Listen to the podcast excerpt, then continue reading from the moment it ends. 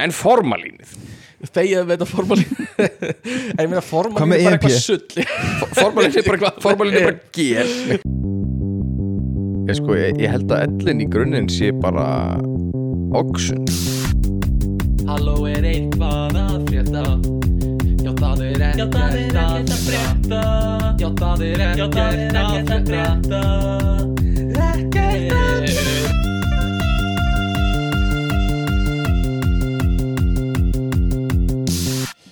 Magga í bragga átti lítinn kakka tralala engin Kerði út í sveit og átti kakku er þetta ekki svona þessi típa lögum hvað hva heitir þetta? Þetta er svona, þetta er svona 5, 40, þetta er stríðsárin eða ekki? Svona af, eftir bara stríðsárin íslensk. af á Bara ömmu tónlist En þetta er svona 1950-60 svona sem setur á grammafón og Gömul dægurlög. eitthvað svo leiðis uh, sem gamla fólkið hlustar á. Hahaha, ógislega gamla fólkið.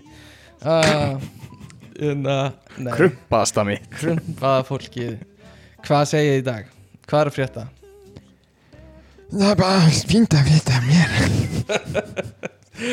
Uh, rétt svara er ekkert sko. Við erum svolítið að Mm. vinna með þetta sko. Ég sagði ekki neitt. Nei, Tómas, hvað er þetta? Ekkert. Nákvæmlega. Uh, Hérna, þú komst með aldraðan frænda er Björgvin í þáttinn, heyri ég. Já, það þarf einhver að vera málsvari Gamla, Gamla eh, fólksins. gamla fólksins. Verja með kjafti Já. og kló.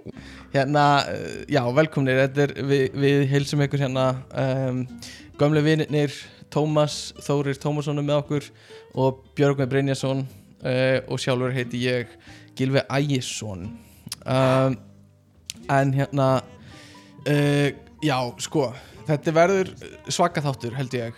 Uh, Þannig, já, kannski eins gott bara gefa smá trigger warning fyrirfram að ef þú, ef þú hérna, höndlar ekki vel eitthvað svona morbid, dauða og hérna, þú veist, við ætlum ekki að reyna að vera eitthvað niðurdreipandi en þú veist, það er svona óhjákvæmilegt kannski að maður talar um Elli þarf samt ekki að vera Þú þarft ekki að vera þann, þar allan tíman Nei, sko. alls ekki, og við þurfum ekki, við ætlum ekki að vera þar allan tíman en þú veist, við munum snerta á því og ég veit að sumir eru mjög viðkvæmir fyrir svona uh, og þú veist, ef við tölum um það verður kannski eitthvað að tala um tippi líka og eitthvað svona, hann er bara trigger warning á tippi. Um, eitthvað meiri trigger warnings ef við svona reyna að vera á undan Hrukkur já, Bara mikill svona aldursfordómar. Já, já, já, já, já. þannig að við, við, erum með, við ætlum að vera með mikla aldursforduma Og- unga fólki ætlum að tala illa um gamla fólki já, af því þau ráðu ekki við það sko. Ég kunni ekki neitt. Uh, ha, laga prentara?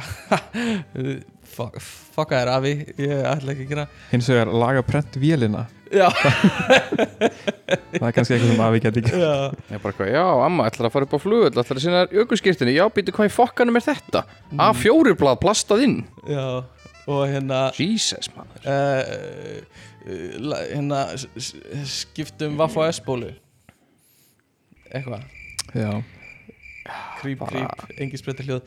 Hérna, nei, uh, rauðin dagsins í dag er Ramón Bilbao frá 2018 Við erum með rauðvín í dag og styrtaræðilega þáttarins í dag eru servjettur Servjettur Þetta er slagurða þeirra. Uh, Mér finnst þessi þáttur byrja ógíslega illa. Er það bara ég að Ég veit, ég veit ekki meira, sko. Sko ég hef ekki hlusta á þátt síðan ég kom síðast í þátt Þannig að ég veit ekki alveg hvernig hlustar á þína þátti þætti það Nei sko Eh. vanalega er introan bara fucking geðveik sko og allir eru grenjanda hlátur yfir þeim. Og hérna ég bara fólk elskar introur okkar sko. Það var þetta vegna þess að ég er í þættin já, já, pottit sko. Uh, nei, ég er bara að vera að hita upp. Ég er búin að vera svolítið fastur hérna onni í handrættinu síðustu mínútur. Og Ah, sko ég var, uh, er eitthvað sem þið viljið segja áður en ég byrja að segja eitthvað Áður en þú byrjar að tala og við segjum ekki neitt já, já, já, já, já. Uh, þetta er svona, velkomnir í þáttinn. Okkar senst til að segja eitthvað. Vil ég koma ykkur að þú gerir það nú? Já, já, velkomin í þáttinn til þess að hlusta á mig tala, basically. Uh, Ég var á Spáni Já. og London. Þú varst á Spáni og London á sama tíma. Nice. Varst í Splondon? Splondon. Ég var í Og- Láni. Wow. Svakalegt. Og hérna, segðu mér, var heitt út á Spáni? Það var mjög heitt uh, það var mjög heitt í Sevilla. Það var alveg 45 6, kannski 7 ég, við sáum einhverja fréttir Já. á ísl, eða, íslenska fréttir um að hitin í Sevilla hefði farið upp í 47 já, gráður. Já. en Það er veist, skóbotnandir eitthvað voru bara bráðuna og festast við götuna og... næstu því, þetta var svona eins og þegar þú ferði í bíó. Afsakið? Ó, Þú- og það klistrið í, Ó, nei á gólfinu í bíó. Heyrðist bara svona Nice. En hérna Þú veist, að fara í sánu Það er oft bara eitthvað svona 60 gráði hiti eitthvað er það ekki svolítið mikið heitt En sama það er, ok, 50 gráði hiti En það er mikill raki Já. Hvernig var þetta með við það? ég held að það hafi ekkit verið mjög mikill raki Sevilla er náttúrulega frekar langt frá sjó Mm -hmm. um, og ég þú veist það var alveg mjög heitt Mhm. en samt alveg maður réð alveg við það Já, já, já, Se- eða, veist, kannski að maður hefði verið í þessum hita í tvær vikur stanslust já. þá þetta verið svolítið erfitt en, En- við vorum bara einhverja fjóra, fimm daga Já. eða eitthvað Hefur þú getað tekið, þú veist, æfingu hvernig, Úti. bara, Bara svona típiska hlaupa nei, það hefði verið mjög erfitt Nei. eða kannski einhver svona sprettlupsæfingu Mhm. uh, springikraftsæfingu en eitthvað svona þar sem þú ert að hlaupa lengri vegalengdir eða eitthvað, það væri ég, Já, ómögulegt sko. ég skil ekki hvernig fólk meikar svona veður sko. Þú varst úti í, hérna Tómas, þú varst úti líka Jú, ég fór til hérna, Manchester, fór á hérna, uh, leik Íslands og Belgíu á EM meðal annars Já, ógustlega leðilegt Já, bara, þú veist, Ömurlegt. Já, það var bara úrslega leiðilegt Já, ég trúi uh, eitthvað, eitthvað sem gerist þar, merkilegt Ég, svo sem, ég ætla að varða stutt sko, ég, veist eða áhugavert sem, sem ég lendi í hérna var bara að sem sagt uh, ég sest, þetta er fyrsta kvöldi sem við komum mm. og ég er svona átt að máði þegar alltaf búið, að spá hérna 25 gráðum eitthvað svo leiðis að alltaf mjög heitt Já, nema svo kemur kvöld Já. sólinn sest og hérna og þá kólnar alveg þó þú séð þú veist 17-18 gráður úti Já. þá kannski ekki alveg hægt að vera ból þegar sólinn er alveg sest niður sko. Ég eitthvað svona já, ég hefði kannski hægt að taka með mér einhvers konar bara svona yfirskirtu eða eitthvað alltaf hendi yfir mig sem væri þund og létt mm. og auðvitað að taka með ég var ekki með neitt svoleiðis þannig ég hérna ég ætla að fara bara í einhverja búð gríp finna bara eitthvað bara drasl kaupa mér svoleiðis Mm -hmm. og vill svo til að hliðin á í þessum, þessum Piccadilly Garden sem er þetta torg Mhm. þá hérna þá er Primark Já, klassík þannig ég fyrir inn í Primark og leita með einhverju skýrstu og finn svo skýrstu eftir smá stund að ég get sagt þetta þetta er sko, það var eitthvað svona cash grab eitthvað svona útsala eitthvað. Mm -hmm. ógeðsleg búð.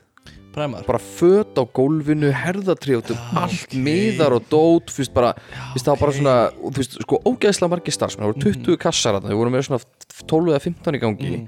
það var samt hálftíma röð og þú veist, 40 manns í, Já, á ok. býða allir með svona 30 vörur, ég bara svona mér langar bara að kaupa skýrtu og fara út, ég ætlaði bara að vera þetta í 5 minnur sko. okay. Það er magna, vegna þess að Primark er alveg ódýr Þetta Já, svona þetta er sko hræódýrt, sko, það sko, það er bara, var ekkert meira en 15 dólar, nei 15 pund held ég. Já, en þú veist, ég, ég fer að það, ég, ég sé þú veist, að það verður klála að fara að, fara að loka ég fyrir svo seint ákvæðin sko. Já, og ég, ég horf bara svona fólk starfsfólki sem er að gera ekki neitt, ég er bara svona, já, það er kannski bara býð eftir að búin loki. Mm, og þá bara eru þau bara í tvo tíma að laga föt og taka til eitthvað. Þýðir ekkert að vera svo stríðsástand, þýðir Já. ekkert að vera að gera meðan Við einhvern veginn, mannfólki eða, ég veit ekki, fólk svona á Vesturlöndum missi sig að það kemur bara eitthvað svona tilbúð Já. bara eitthvað svona, uh, ég veit ekki hvað það er. Þetta er, þú veist, ég vissum að þú veist, ef það væri verið að gefa pening væri minni chaos heldur en að þú nærð að græða peningin á því að fá það á afslætti Mhm. dót, sko.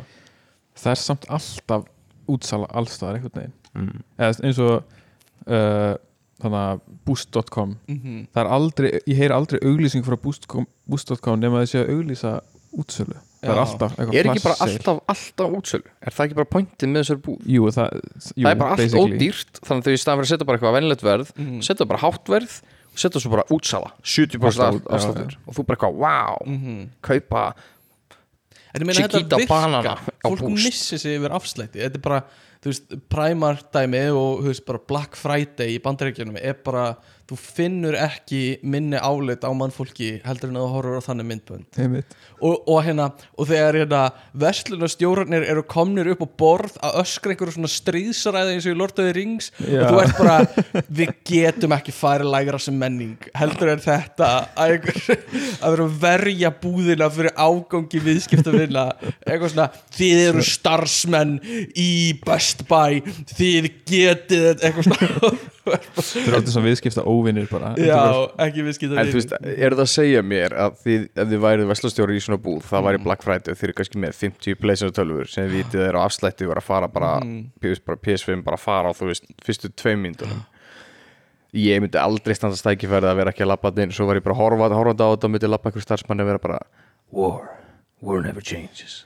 Þú veist, eitthvað svo leiðist, já. ég myndi vera bara svona já, veist, this is it sko, þetta er bara, þetta er bara carnage Þetta er Carnage, ég veit ekki kannski er þetta eitthvað svona að þrá okkar í, uh, í spennu bardagans að búa til hana, ég veit ekki. Þú veist, þorláksmessa í kringlunni það er algjört hellhól sko. mm, og það er, þú veist, það er það sem ég finnst vest við svona dæmi. Það er kannski, þú veist, það er ykkur gór, út, gór útsölur og fólk er klálega bara í, á last chance að kaupa kannski ykkur jólagjafur á þorláksmessu. Mhm.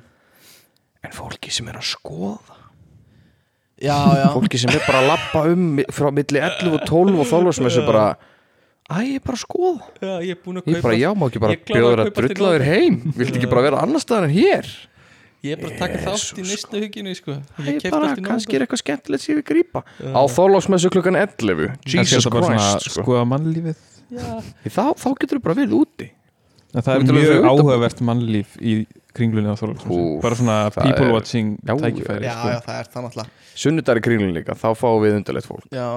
Ég var næstu, sko, ég, þú vinnur í Jack and Jones ég vinn í Jack and Jones í kringli miður, og hérna ég var heldur til þunnur á sunnudaginn senstu vakt. Og svo kemur, kemur maðurinn og ég heyri hérna félag minn lappar upp á honum og er allar aðstofan og hérna, hann er að skoða skó. Mm. og félag minn bendir á bendir á hérna, hann bendir á hérna styrki, viðskiptunum bendir okkur skó. Ah.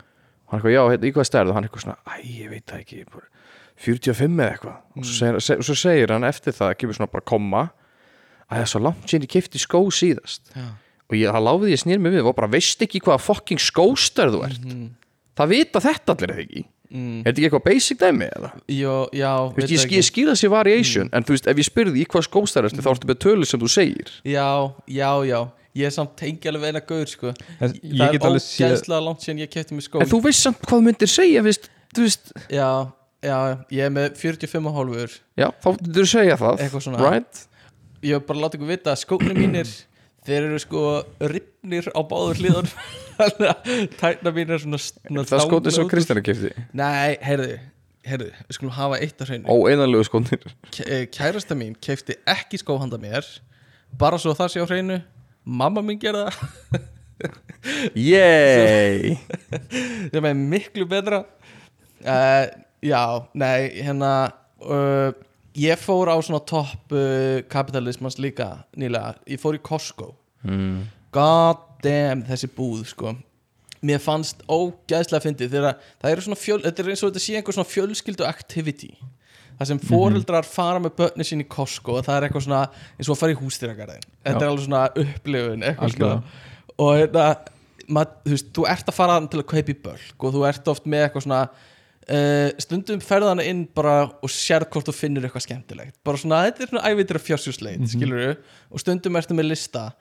En ég sá einhver svona fjölskyldu faðir vera hérna hann var svona mjög svona hugsi og ákafur og hann var alveg að komin að kassanum og þá hann svona, ég verð að fara einn ein ringi viðbót ástu mín, ég verð að tjekka hvort ég sé ekki með allt og hleypur svona aftur. Þetta er bara hérna, þetta er einhver svona er svona upplifun. Það er svona þetta er ekki eins og venjuleg búð sko. En það er líka, maður heyrir fólk segja eitthvað svona ég er bara ekki búin að fara í Costco í fjóra mánuði Já, svona, já. eins og það sé eitthvað svona eins og það sé að segja, ég er ekki búin að fara í Mhm. tífóli í fjóra mánuði eða eitthvað, já, eins og það sé bara eitthvað sem að allir þurfa að gera reglulega Mhm, það er ekki mjög langt sinni fórhanda í fyrst skipti og eina skipti sem ég hef farið mhm. og ég, sko, þú veist, það eru þrjár veslanir sem pappa, pappa finnst gaman að fara í já, það er Costco, Já. það er Biko já og það er Bauhaus. Og þetta er alveg svona þetta er alveg svona, hvað er pappi? Æ, ég fór í Bauhaus, ég eitthvað, já, já svo Ég kemur hann heim með já. eitthvað sko. En just, hún finnst gaman að fara í Costco. Ég Já. skil það ekki alveg sko. og ég fór að inn og ég er svona Mm. þetta er bara svona bölk matur, maturverslun og það, jújú, jú, það er, þú veist, þeir eru með eitthvað sjónvörp og eitthvað svona græjuhotn eða eitthvað. That's it, því mér sko. Þeir Já. eru alveg með, með, mikið af einhverjum svona kalla vörum sko. Svona kalla já, já, leikfangum pappi kefti ykkur, pappi kefti ykkur sko, D-Walt, hérna svona vinnuskó, vinnu vetraskó með stáltá glottið á manninu þegar kom heim með þann kassa maður. Ástu mín, ástu mín, sjáðu, ástu mín, sjáðu ég, sko, kassin var sko djúvitt var að stólmaður ég var bara hrettur um hvað kemur upp úr hennu sko. Já, þetta er þetta er, þetta er alveg fyrir svona pappa og ég og Bjöggi hefum talað um sko, bá, það er gaman að fara eins og inn í báhás og skoða verkverðin sko, að maður fær eitthvað svona kýll sko, og hérna Þetta er svona, þú veist, þegar þú ert að, þú ert vaksin upp úr leikfangaborvilni mm, þá þarftu eitthvað annað já, að Já. þarf eitthvað að koma í stað algjörlega sko. Líka mann finnst bara veginn svona eitthvað svona præmal við það bara að taka upp Já, svona á takkan svona prófa að skipta um átt og eitthvað svona. Zzz, og eitthvað 1500 snúningar. Já, það er mikið, það er hátala og veist ekki hvað þýðir bara 1500 snúningar maður. Með höggvörn, að hún tekur ekki í úliðin þegar hún festist og eitthvað eitthvað, já. snild maður. Um, en allan ég, ég hérna fó líka í, í brúðkaup út á landi sem er ekki frá sig fannandi nema það voru kamrar til að kúka og pissa. Er eitthvað verra en kamarskúk skilur þið hvað þá í sparifötum? Og það er svona, já hvað þá í sparifötum? Þú veist, Jésús, ég myndi það líka bara þú veist, allar, allar konundan ykkur kjólum og dóti bara, hvað, já, nú ætlum ég bara að tilla mér á þessu hólu úr plasti. Það hann ekki sé ekki bara að pissa og skýta út um allt. Það er ekki það er sko. bóði, sko. En af hverju er það verra? hættu, látt ekki eins og þú vitir ekki af hverju það er verra. Nei, ég er bara svona að velta Hættu. fyrir mér af hverju er það verra heldur en bara venjulegt klósett já, Gamar, Já, Uh, já, Þú veist, þú er- sérð það- kúkin getur séð kúkin stundum sko. þetta er bara, já, fyrir utan það en þú veist, það er yfirleitt óhreinna fólk, fólki, að fólki ber enga virðingu fyrir þessu salertum, þannig að það bara að það pissar út fyrir leiðilegt. En er það ekki bara vegna þess að venjulega þegar fólk notar kamar þá er það fullt?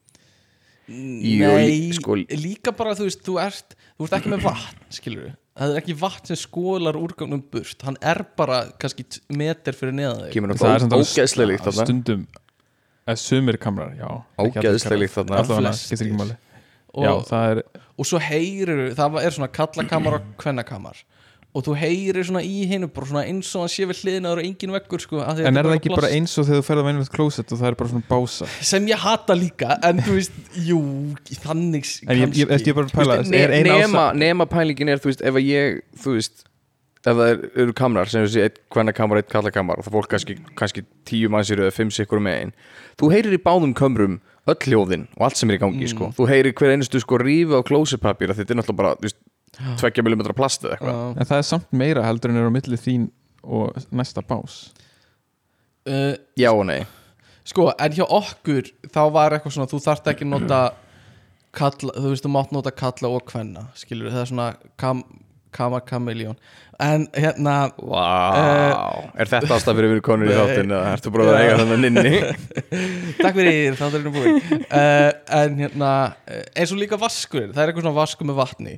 Og í svona fyrstu þrjú skiptin sem ég notaði hennar kamar þá hérna uh, þú veist, var ég alltaf að reyna að finna út hvernig maður kveikta á hann endaði alltaf á því að labba, þurfa að labba einhverja nokkur hundru metra til að fara að túa mér einhversan annar staðar var svona, var svona Já, en fótstig þá var eitthvað svona fótstig sem ég fattaði ekki væri virkaði þannig. Það er bara, uh, ok, fine. Það er náttúrulega bara user error. Það er, já, já, user error, fine. þeir voru með svona kamera hérna á, sérst, það var svona fansón hérna á, sérst, Piccadilly Square hérna í miðri, miðri Mm. Manchester. Þar sem fólk, fólk voru að hitta upp fyrir leiki eða gætt horta á aðra leiki og svona stór, Mm. enda stóru skjá. Mm. Þeir náttúrulega urðu bara þú veist, það var kannski 25 gráður úti þannig inni voru 40 sko. Já, þeir gjörsanlega einmitt. grilluðustu upp þannig líktin alveg bara jós upp úr þessari hólu en það var einmitt líka, það var svona styrta niður klósettið þetta var svona kama með svona palli. mm. Þá var svona fótgikkur og þú veist, ég, ég stóð þarna og var eitthvað svona hvernig er ég að styrta og eitthvað svona, það var svona svartur hringur mm. þess að setja eitthvað, eitthvað vassleislu og ég svona ítti bara á það og það Mm. gerðist ekki neitt og Nei, en ég meina svo leitið niður og sá þetta bróðum mig kom út og hann var bara, ég, ég kann ekki að styrta Nei. það er svona erfitt að þú ert að pissa þú veist, nota pissi til þess að fá pappír eða eitthvað drasli niður af því að þú veist, það var nómill kraftur og færðist loki sko. Mhm. og ég eitthvað, það gikkur á gólfinu og hann eitthvað, ha, það er svona stór svartur ringur, gummi á gólfinu svona pumpa, eitthvað, já. Já, já, þetta er ég, ég skil bara ekki hvernig er ekki búið að besta þetta meira sko. og hérna finna ykkur betri leið. Uh, en hvað veit ég? Uh, sko Plex serverar er eitthvað svakaþing sem ég var að kynnast núna nýlega. Þú veist, ég vissi að þetta væri til en þú veist, vinkona kæristunum minn er með þetta. Uh, Tommy horfir á mér eins og hann veit ekkert hvað ég er að tala um uh, skrítið. þetta er svona til að komast inn í netbankan hjá hverjum sem er á landinu. Og þú fær fullt aðgengi. Nei, hérna, þetta er svona til að media streamer, þannig að þú getur þú getur keift eitthvað, þetta er ólöglegt. Uh, og þú getur keift hjá bara einhverjum gæja út í bæ. Ég held að eitthvað heitir Plex Ísland eða Plex Ísland eða eitthvað. Og, og þú getur, þú veist, borgar 20 skall á ári. Og þá færðu bara aðgangað huge einhverju gigabanka af einhverju markmælunarefni bara allir þættir og allar bíómyndar ever, basically. Eins og eitt félag okkar er með. Já, nema þetta er já, á Íslandi þetta er mjög svipað, þetta er frekar svipað. Og hérna semst, ég var að sjá þetta hjá vinkonu kæristunum minnar og er aðeins búin að að skoða þetta. Og uh, veist, þetta er þetta er crazy. En það sem ég er að hugsa er bara hvað haldið þessi gæðir sé að græða mikið á þessu? Ég ætla er ekki bara að stela þessu veist, þetta er bara, þeir bara downloada fullt af efni og geima á einhverjum, einhverju tölvi á sér og svo gefa þér fólki aðgang á tölvinu sinni í gegnum Plex. Þetta er basically þannig. Right, þannig þeir eru basically bara að borga internet og vinnuna sem þetta tekur að íta ná, ná í allt efnið. Já, það kemur ekki óvart og þeir væri með einhverju samninga við einhverju stóra server úti í heimi þar sem þeir fæ bara nota að dóti þar. Það hljómar eins og mjög mikill pjúra gróði. Já, og þetta borga 20.000 á ári og ég veit ekki, það eru kannski mm 10.000 íslendingar að kaupa þetta eða eitthvað þannig að Plex Æsland er, þú veist að fá það mingil penning á ári. Og þetta er bara eitthvað tveið þrjá göður eða? Ég, ég veit ekki, ég þekki ekki. Bara, En hvaða áhættu eru þeir að taka? Hvaða áhættu fylgir fyrir þá? ég nefnilega veit ekki. Ég veit ekki Uh, hvað ég, geti, ólöglegi ég mynda mér allavega eitt að því væri veitu, það er nægna á hljóðinu hérna FBI, open up. Já, Já. einmitt, það er eitt möguleiki. En ég veit bara ekki hvar ólöglegi hlutin liggur í þessu. Er það þeir sem downloada, er það þeir sem geima ekki. Er það þeir sem servaði upp eða er það neytandinn Skilur Þú veist, það í mínum huga hefur það alltaf verið það er bannað að deila efninu. Já, er það löglegt að sækja það? Ég veit það ekki, nei, örgulega ekki sko. mm. You wouldn't steal a car. Dun, dun, dun, dun, dun. Ef ég gæti downloada bíl þá myndi ég gera það. Þetta er ekkert flókið Skilur. Ég man, Bubbi kom einhvern tímann í vikuna eða eitthvað og var að tala og Helgi Hrafnana Pírati uh, var að tala á mótunum. Og þeir voru að rökraða sko um að það að stela Bubbi var að halda því fram að það að stela bara mynd af safni er eins og að downloada bíómynd eða eitthvað skilur, þetta er sami glæpur og Helgi Hrafn var eitthvað svona nei Bubbi það er eðlislegur munur á þessu.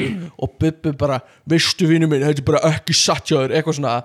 Og hérna var bara not having it að þetta væri ekki en það er, þú veist, þú ert að búa til afrýtt skilur þú munur, ég, ég átti mig á því að það er þú ert að verða af gróða og eitthvað svona, þú ert að þú veist, að taka eitthvað sem þú ert ekki búin að borga fyrir en þú ert ekki að stela upprunulega efninu sko. Nei, þú veist, og, að, þú veist, þú ert ekki að koma í vekk fyrir að aðrir geti séð það nei, þú ert líka ekki að gera það sko. mm en, en þú veist, eins og sagði, þú veist, ég held að downloadið sé ekki ólulegt, ég held að sharingið sé ólulegt og það er það sem þeir eru að gera. Já, já, það er, það er svolítið það sem þeir eru að gera sko. uh, en, En, veist, er þetta alveg, er þetta alveg, above the table dæmi, þú veist, er bara fólk, þú veist, er þetta eitthvað sem þeir eru að auglýsa bara, Plex í Ísland? Yeah, þeir eru örgulega freka eitthvað sem, fyrir mann á milli. Já, svona, fyrir mann á milli sko. ekki lengur, þetta komið á Já, veraldavefin við, erum, við erum að hérna, auglýsa þetta fyrir þá. Styrta Plex server. Uh, Nei, nei. Mér langaði bara að snerta á þessu að því mér fannst það hérna áhugavert sko. Uh, bara talandi um þetta. mm, þú veist, líður ykkur veist, ekkert illa þegar þið downloadið efni? Eða horfið á eitthvað sem að þið vitið að væri ekki Eh, fengið með hætti? það er mismunandis hvað samt. Ef ég er, eða íslenskt ég, ég gera ekki við íslenskt til dæmis. Uh, ef það er eitthvað svona þú veist, Tom Cruise mynd eða eitthvað, mér líður mjög lítið illa með það sko. Mhm.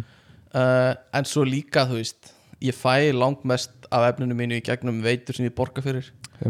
Skilur ég er að styrkja rosa mikið af þessu en sumt líka Ég hef ég bara ekkert ég hef ekkert aðgangað eins og HBO skilur og þau er ekkert að leifa mér að hafa aðgangað því skilur Nei, nei.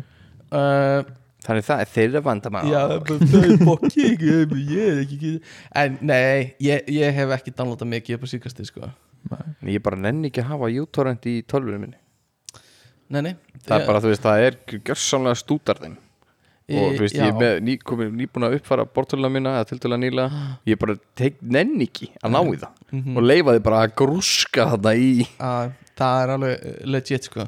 Uh, ég veit ekki, ég hérna er, uh, þú, uh, þú svona veltur þessari spurningu uppbjörgun eins og þú værir á svolítið háum hesti þannig um, Nei, eða þú veist ég gerði það alveg ef ég veist, þarf innan gæsalappa.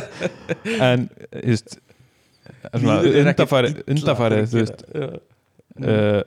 var svona þú veist, ég fór svona meira að pæla í undarfæri bara, þú veist, Mhm. höfundarétti og eitthvað svona uh, sem að er mjög er það mikilvægur. af því þú byrjar í LHI Nei, en meina- þú samt meina- svona þú meina Luhi já, Löhi. LHI uh, Já, mér líður svona smá illa nei, sérstaklega Já. ef það er eitthvað svona veist ef ég er að taka eitthvað sem er uh, bara svona sjálfstæður útgefandi Já, já. eða já, já. þú veist ef þetta er eitthvað svona multimiljón fyrirtæki Mhm. þá kannski svona uh, mér er alveg sama Já, já, nei, ég bara skil það mjög vel sko og ég er alveg sammálaðir M- hérna, maður finnur alveg fyrir einhverju svona mórulskum hérna, eh, einhverju svona áttavita sko en hérna þetta er líka bara svona neysla og einhvern veginn svona á efni þarf að breytast og hvernig við borgum fyrir það, það við erum í einhverju svona transition tímbil núna sko held ég. Frá því að vera eitthvað svona sjónastöðvar yfir í þú veist rosa mikið frítt efni á netinu uh, og fólk er ekki byrjað að læra einhvern veginn að vera áskrifundur hjá þú veist, fólkinu sem það neytir mest. -hmm. að því rosa mikið af því sem við neytum núna er bara eitthvað svona YouTube-rásir og eitthvað. Og þú veist, Ég horfa nægar auðlýsingar til þess að, að, að, að fokast þar sko já en þú veist, það, við, erum, við þurfum að finna út í eitthvað svona jafnvægi um hvar hvernig við getum styrt þá sem við horfum á en samt erum ekki að borga öllum einhvern veginn og þú veist, bara einhvern veginn opna á það að styrkja einstaklinga og svo, þú veist, artistana sem við fílum og þú veist og svo er, eru svona þú veist, konglamorætt sem svo Disney sem bara, þú veist, er að fá fullt af penning frá fullt af fólki Mhm. og þú veist, það þarf einhvern veginn að svona dreifa þessu rétt sko. um, er eitthvað meira sem við viljum bæta við en við bara dempum okkur í Ég ætla að hætta það fram að því vorum að tala um hérna áhuga hluti. Ég ætla að var í Manchester og þegar ég var í Manchester þá kom upp atvik þar sem að uh, Doubledecker Bus kerði inn í uh, hérna strætóskili já, í Manchester. Mm. Mér fannst að segja að ég var í master já, ég líka, ég hugsaði að ég var í Master Nei, ma- Það var svona, ég- þú ert ekki byrjaður í master ég, ég var í Manchester Manchester. En já, og þess að við sko þetta gerði sko, þetta, við skulum orða þannig Piccadilly, þetta er svona hot Mhm. þetta er bara, þetta er fyrir hot, þetta er svona hérna, kassalega torg. Og þetta er bara basically eiginlega á hotninu hérna einu megin, það sem þetta gerist. Og við mamma sem sagt við erum fimm þarna, ég og mamma ákveðum sem sagt að fara einhvern hérna núðlusta ætlum okkur að borða, þannig að við fyrir bæði inn á þann stað. Hún fer eitthvað klósti og ég sest niður eitthvað þarna og er ekki að pæla. Svo erum við eitthvað svona, æ, við viljum ekki fara út fyrst er svona heitt eitthvað, förum út og við tökum bara ekki eftir neinu sko. svo bara hérna, segi, segi mamma alltaf heyru, þau eru bara komið tilbaka hérna, bróðu minn, pappi og kærasta bróðu minn þau voru að fara á stað hérna hinum með hotnið og þá stóðu þau bara 20 metri frá þessu, horfðu bara á þetta gerast sko. og þau voru smá svona sjálfsjókt bara, löpuðu voru bara svona smá bara svona eftir sig dæmi sko. og við eitthvað svona, hvað búin að borða? mm. þau eitthvað, nei, hérna æ, við bara, æ, bara hérna, bílslið setja dæmi og ég snýr mig við ég bara svona, já, heyrðu, það eru bara fimm sjúkrabílar fjóri slökkulísbílar okay. og tíu lauruglubílar og ég bara, já, býttu, hvað gerir þarna? Og hafði, ekki- sko, ég vissilega snýri frá þessu, sko Mm. en ég, ég hafði ekki tekið eftir neinu, sko. Þetta bara gerist rætt og þú veist, bílarnir voru allir komnir en þegar ég kem út, þá bara er þetta í gangi ég tók ekki eftir neinu, Nei. sko, ég var ekki svo að pæla í þessu, sko ef þetta hefði gerst á Íslandi þá er þetta allt brjál allir að brjála alltaf mikið að pæla í þetta var, þetta var líka svo þetta var vist undarlegt dæmi það var bara hann stoppaði bara ekki mm. Þessu, þetta var ekki eitthvað svona hann gaf í og kerði inn í þetta var bara svona eins og stræt og hann bara hægði ekki á sér og held bara áfram í staði að vera að stoppa hjá skilnu einmitt. Já, það er crazy Það er smá, svona, sko. já, ég meina, þú veist ef þau farið af stað mm, tvei mínútur setna eða eitthvað. Þá hefðu getið orðið fyrir þessu strætó sko. Já, einmitt. Maður, uh, Þetta er líka svona það sem maður lesa oft í fréttum á vísi eða kemur eitthvað fyrir út í heimi. Var þarna fyrir tveimur vikum. Einmitt. hefði geta verið þar. Ætlaði að fara. Þetta er búið að vera svona bæði hérna með skotar og svona hann í köpen, hann í mólinu það voru bara íslíkar í mólinu Já, já En ég meina þetta er ekki fyndið en þetta er samt bara svona klísja sem er alltaf í fréttum Já, skilur. já, svo hérna Gabriel Daði hérna sem okkur í já, já, hann alltaf, þú veist, þau sváfi yfir sig ætlaði að fara einhver á búð sem var svo kert inn í í Berlín já, já. þau bara, já, við sváum bara yfir okkur mhm. Þú veist, planið var að vera nákvæmlega þarna klukkan, þú veist, eitthvað hálf 11 eða eitthvað því vorum eitthvað planað dag, Já. sváfi yfir sig Og Páll, hérna Páll Emmi velun var hérna að, búin að vera að spila á einhverjum klub Nei, Páll Óskar var búin að vera að spila Emmi vel á, ég rúglaði þessum velunum Já, já. var búin að vera að spila á klubnum í Noregi sem var fyrir skotarásinni Já, hérna, já, hérna homoklubnum já, Já. eitthvað svona. En allavega hérna, höldum áfram. Við ætlum að tala um gammalt fólk í dag. Uh, og ég setti á uh, miðlan okkar uh, og spurði hlustendur hvort þið væri með einhver vandamál fyrir okkur sem ég ætla að setja svona dass inn í þáttinn líka. Mm. og ég baði um að senda mér uh, svona hljóð upptökur af sér vera að koma með eitthvað vandamál. Og þannig að við kannski hlustum á vandamál og reynum að leysa fyrir þau svona hægt og rúlega í gegnum þáttinn. Þannig að þetta er fyrsta vandamáli sem við ætlum að hlusta á. Já, ég, Davíð heiti ég og hér er með vandamál sem ég langaði að bera undir ykkur um, piltana. Þannig er mál með vexti að eins og Oddur, fadur minn, þá uh, hef ég gengið í svefni svo gott sem uh, hvað alla mína æfi. En uh, það, það hefur uh, sem sagt borðið upp á því í síðustu hvað ég var að segja kannski tvær vikur að ég hef verið að vakna um miðjanótt og, og ég er með uh, tippið mitt í, fast í ristavélinni sko. Og mér finnst þetta undarlegt eh, vegna, tjá, vegna þess að ég ég eh, hef aldrei mikið verið fyrir ristað brauð og finnst því undarlegt að um, já, hvað ég var að segja að tippi mitt uh, sé fast í uh, þessu eldhústæki og ég velti því fyrir mér hvort að því hafið uppástungur fyrir mig til þess að losna við þetta þráláta vandamál. Um, Ristavéli mín er af uh, d- Samsung gerð og hefur innbyggða snjalltækni þannig að hún, hún hefur mjög nákvæma tímasetningu á hvenar þetta gerist og ég hef skoðað uh, hvað ég var að segja skráningu allra ristaferða og þá hefur það komið í ljós að þetta gerist hvað um það vil fimm sinnum á nóttu. Það sem er ennþá skrýtnara er að það er smjör og ostur og sölna á eldhúsborðinu við hlýðin á þegar ég vakna. Ég var að velta fyrir mig hvort þið getur greint þetta fyrir mig, þakka ykkur fyrir. já, Þetta var Davíð, Davíð í færskói nei uh, Davíð. Davíð uh, Fyrsta lagi, bröðrist losa sig við bröðristina þá gerist þetta ekki. Uh, ég heldur að sé svo einfalt. Hann sagðist Ég meina, ekki vera mikið fyrir ristabröð já, en en af hverju ef hann er svona ekki mikið fyrir ristabröð af hverju myndi hann fá sér bröðrist með snjalltækni?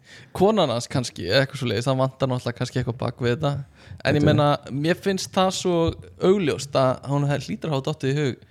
Skilur, ef það er valid lausn, skilur getum við talað um eitthvað svona eitthvað svona uh, hérna, conditioning skilur að hann neyðir sjálfan sig til að eitthvað.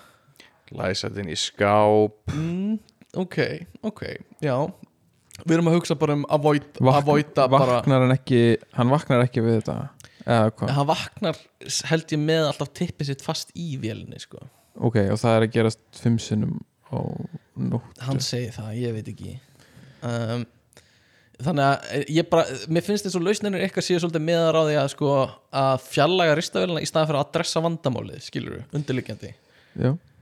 Uh, er, er undirleikiti vandamálið svefngangan þá, Eh, Hvað, hann, hann Ég- segist ég- vera búin að gera þetta allir svona ævi sko. Já. Já, melatonin eða eitthvað. Bryðja melatonin, ok, livjafræðingurinn kemur hérna með, já. Ok, Hjálpa fólki að sofa allavega allavega. Ok, ok. Uh, Já, ég hef heyrt að svona stert sinneb hmm, uh, Á, neð fyrir nóttu eða það borða alveg Bara, bara, skeið. bara krisp, bara eins og crispy með að- dísu sinni bara. Já, á bara, í bara. já, að gera það. Ok, að, mér finnst það mjög góð laust Stert sinneb, eina skeið fyrir, mm, fyrir smyrja sterku sinnebi í kringum opnunan, op, þessist gatið á, á bröðristinni Já. þannig að er þegar líka, hann, þegar hann er að reynir að tróða þessu inn þá, þá meiðir hann sig og Já. áttu sig kannski á því að þetta er ekki Já, já, gott plata undir meðututunni að Já, ég, betur. ég glemdi líka að segja að Þetta er, sem sagt, það, ég fekk engin svör á samfélagsmiðlum Þannig ég fór inn á elliheimilin mm, og hengdi upp þar og sagði þið getið senda á mig hljóðklipur hérna. Ok, Þannig að þetta kemur alltaf þannig að þetta var ekki einn af okkar vinnum Nei, hann gæti hlustað það var ekki Dabbi eða?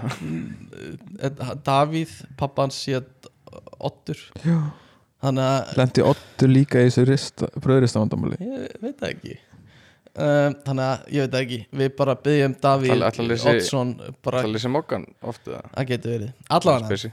Uh, Hlakkið til að eldast Eða kvíðið þið Sko, ég, ég get ekki ég sé alveg fyrir mér það getur orðið næs eftir svona fimm ár þegar ég er búinn með nám og komið kannski með húsnaði og í svona aðeins Að verða þá á elli líf Fara á eftirlögin Nei, nei, bara bara, bara, bara, bara komast brúa bílið á milli þess sem ég er ennþá.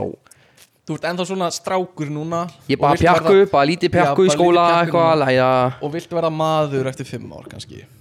Ég bara, þú veist, ég held að þessu svona fimm ár þá sé ég allavega, þú veist búin að koma mér einhvern veginn fyrir einhver staðar, mhm. komin í einhverja vinnu. En þú veist, þegar þú segir að eldast Ertu að meina Bara svona medium rare kannski. Aha, Óf, Óf.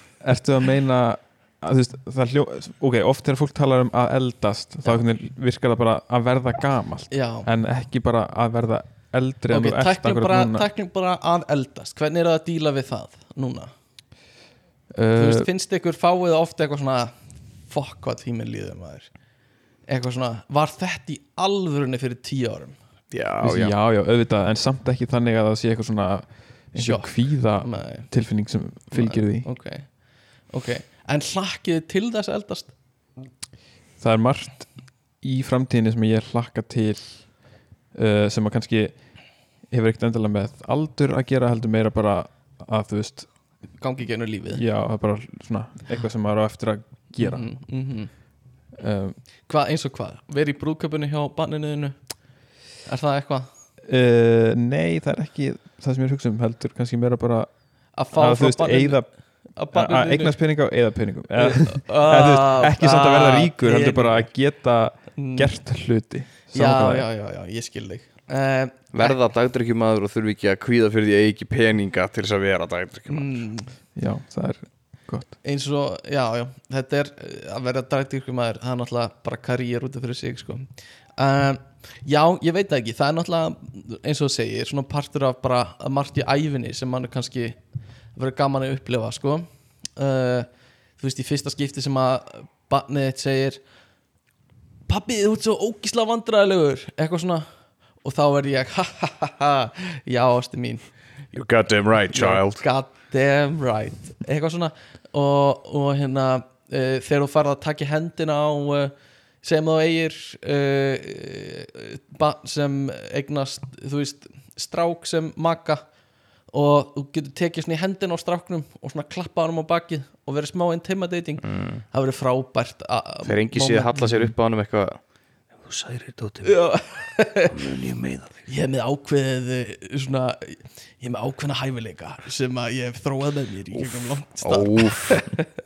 Óf Óf Úf, já um, ég veit það ekki, það er svona já, kannski kvíð mann ekki fyrir því, en uh, ég veit ekki, maður finnur líka fyrir svona, það er ekkit endilega gaman alltaf eldast, sko. Það brakar meir í beinunum mínum get ég sagt þér og liðunum mínum ha. Já, já, bara aggressífara fleiri vandamál líkamlega vandamál. Já. samt, það er bara svona það er eitthvað sem ég sé fyrir mér að mun gerast Mm. en mér finnst ég ekki vera komin á einhvern þann stað að ég finn eitthvað með hverju árinu ó ég er að verða eldri eða líka með minn er að verða eldri. Ég finnst ég verða þinnri og þinnri með, já, með já, árunum sem líður sko. En líkamlega Já, þykkari og þykkari. Já, já. Veist Það hvað er- við. Uh, maður finnur fyrir því sko. Um, en uh, já, já það er líka sko, það var einhver rannsókn gerð uh, að uh, þú veist, að vilja allir vera yngri en þeir eru eða svona aldurshópar, þú veist 90 ára vilja hugsa ó, bara ef ég gæti verið 60 ára aftur. Og 60 ára hugsa bara ef ég gæti verið 40 ára aftur. Og 40 hugsa 30 aftur. Og eitthvað svona. Og árið, þú ert 21 ást þá er það akkurat á punktinu það sem þú vilt vera jafn gamall og verð að því fyrir það eru margir að hugsa ég vildi vera eldri. Þú veist, það vart 18 ára, ég vildi vera 21 þetta var gert í bandarækjunum, það er náttúrulega drikkjualdur sko. og hérna þessi rannsókn. Og uh, en svona meðaltalið það sem þú vart á svona besta aldri svona heilt yfir, er, var talað um 36 ára. Að þá ertu svona á meðaltalinu í aldurinn sem fólk vil vera. Ég ætti ekki það, þannig séð á svona besta aldri til að veist, vera með fjölskyldu, vera ennþá fitt og healthy og, og þú veist, góðum stað. Það er til dæmis örgulega partur að því sko. Já, þá ertu marg, flesti með fjöl, búnir að stopna allan að fyrstu fjölskyldunum sína og hérna á fimm. Af fimm.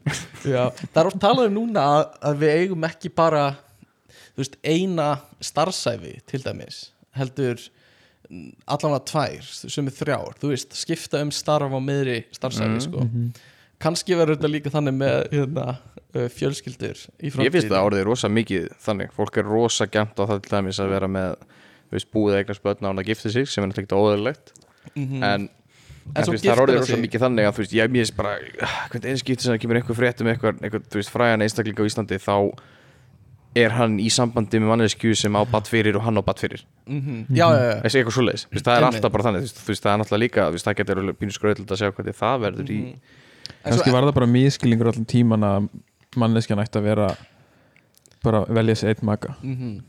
Mormona time Ég meina, uh, já, já ég Þess, ég er meina, ekki að segja að maður eiga, eiga endilega marga maka á sama tíma heldur mér að, Nei. bara að þú ert búið með eitthvað, þetta er bara tímabil sem þú ert búið með já, já, finnur annan búið Ég með meina, tímabilið það og er ferðið alveg yfir í sjónamið sko. Mhm. og hérna uh, ekki segja þú veist, maður verður náttúrulega að tala valega sérstaklega ef maður er í sambandi að segja, já ég er ógæslega til að en hérna Ógæslega spennt að prófa að vera með æðurum að því Þannig sko. ég er alls get ekki, ég er alls ekki að segja það. Mér líður mjög illa í mínu samband þannig ég er alls ekki að segja það ég vona hlustendu fattið og tala við mig. Hjálpa mér út úr þessu. Hérna, ég er að með, já. Þannig að þú veist uh, það er alveg sjónamið, skilur að það gæti verið, þú veist, þetta er náttúrulega rosalega svona samfélagslega tengt einhvern veginn þetta einkvæni og þú veist, vera með makanuðinum þetta er upp að, þú veist, öryggi og um fleira þurfa að vera eldri. Veist, það er alltaf talað um það, enda ekki einn.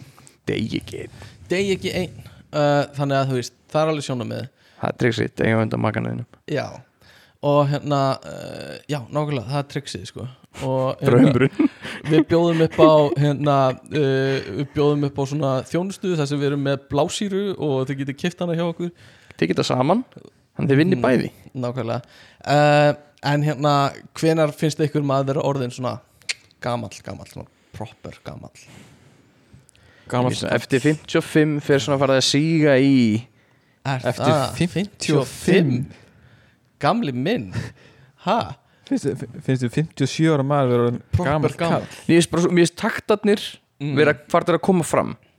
Svona eftir 55 þá sem fólk farið svona gera, veist, verða svona án þess kannski ómeðvitað með svona gamla takta. ok, 55 er samt bara svona setni hlutin af miðaldra.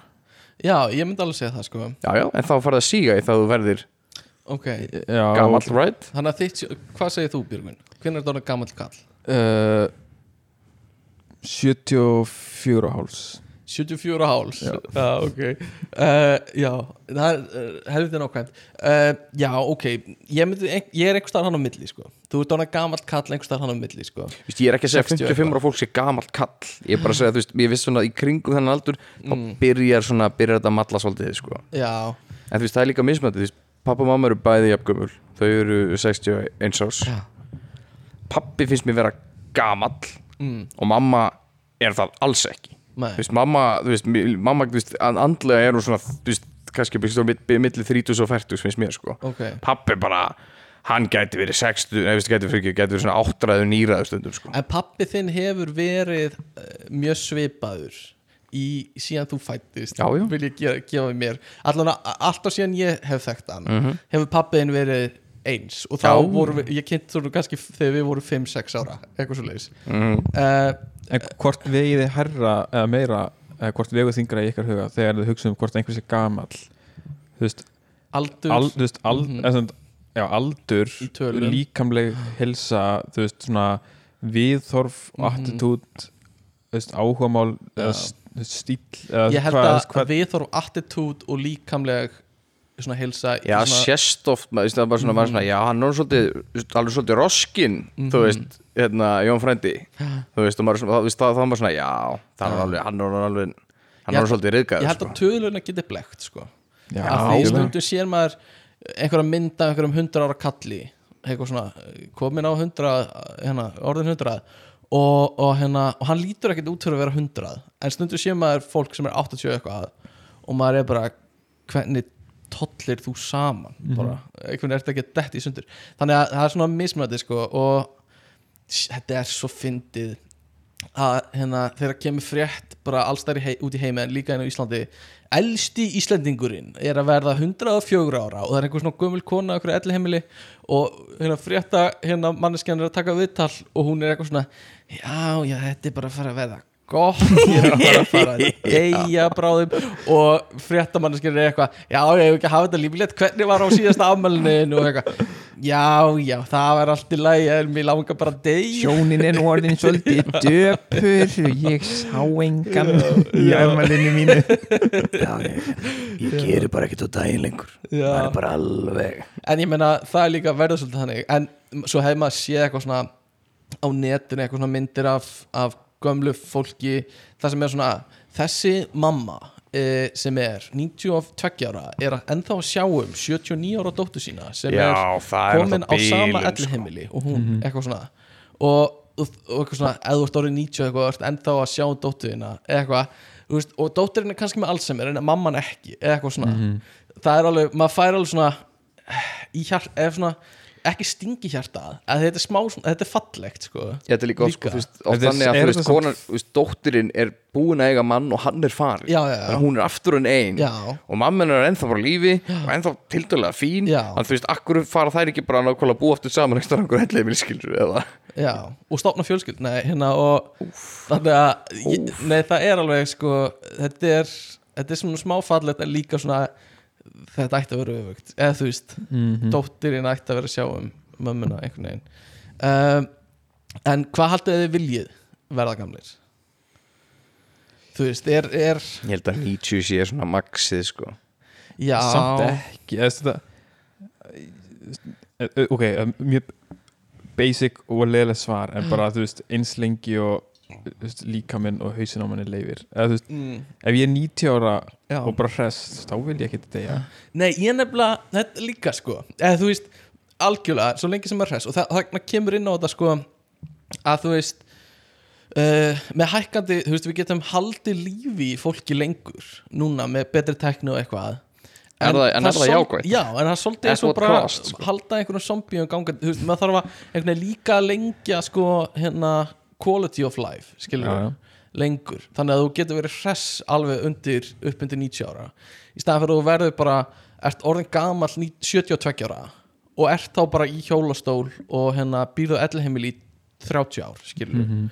og pældi að búi á ellheimil í 30 ár. Við erum ekki einu svona orðnir 30 ára skilur, þetta er meira en öll æfun okkar eins og ert inn á stofnun, skilur Mhm. og og þú ert ekki að horfa fram og að komast út af henni skilur við Þa, það, er ekki, það er ekki þannig sem þessi átt fer skilur við þú ert ekki að verða hressari. Nei, sem er ógeðslega svona uh, já áhugavert, maður verður svona að passa með þú veist og líka bara að þú veist ef að ef við aukum alltaf þú veist hérna leng lengdina sem við getum lifað en ekki það hversu lengi við erum hress lifandi mm þá þýðir að það er miklu miklu fleira fólk sem þarf umönnun uh, sem gamalt fólk uh, í lengri tíma Aha, og færri sem eru ungir skilur við færri til að sjá um færri til að sjá um og það er líka trendið með eins og uh, bara fólksfjölgun á Vesturlundum þetta er í mínus. Mm þetta er alls ekki plús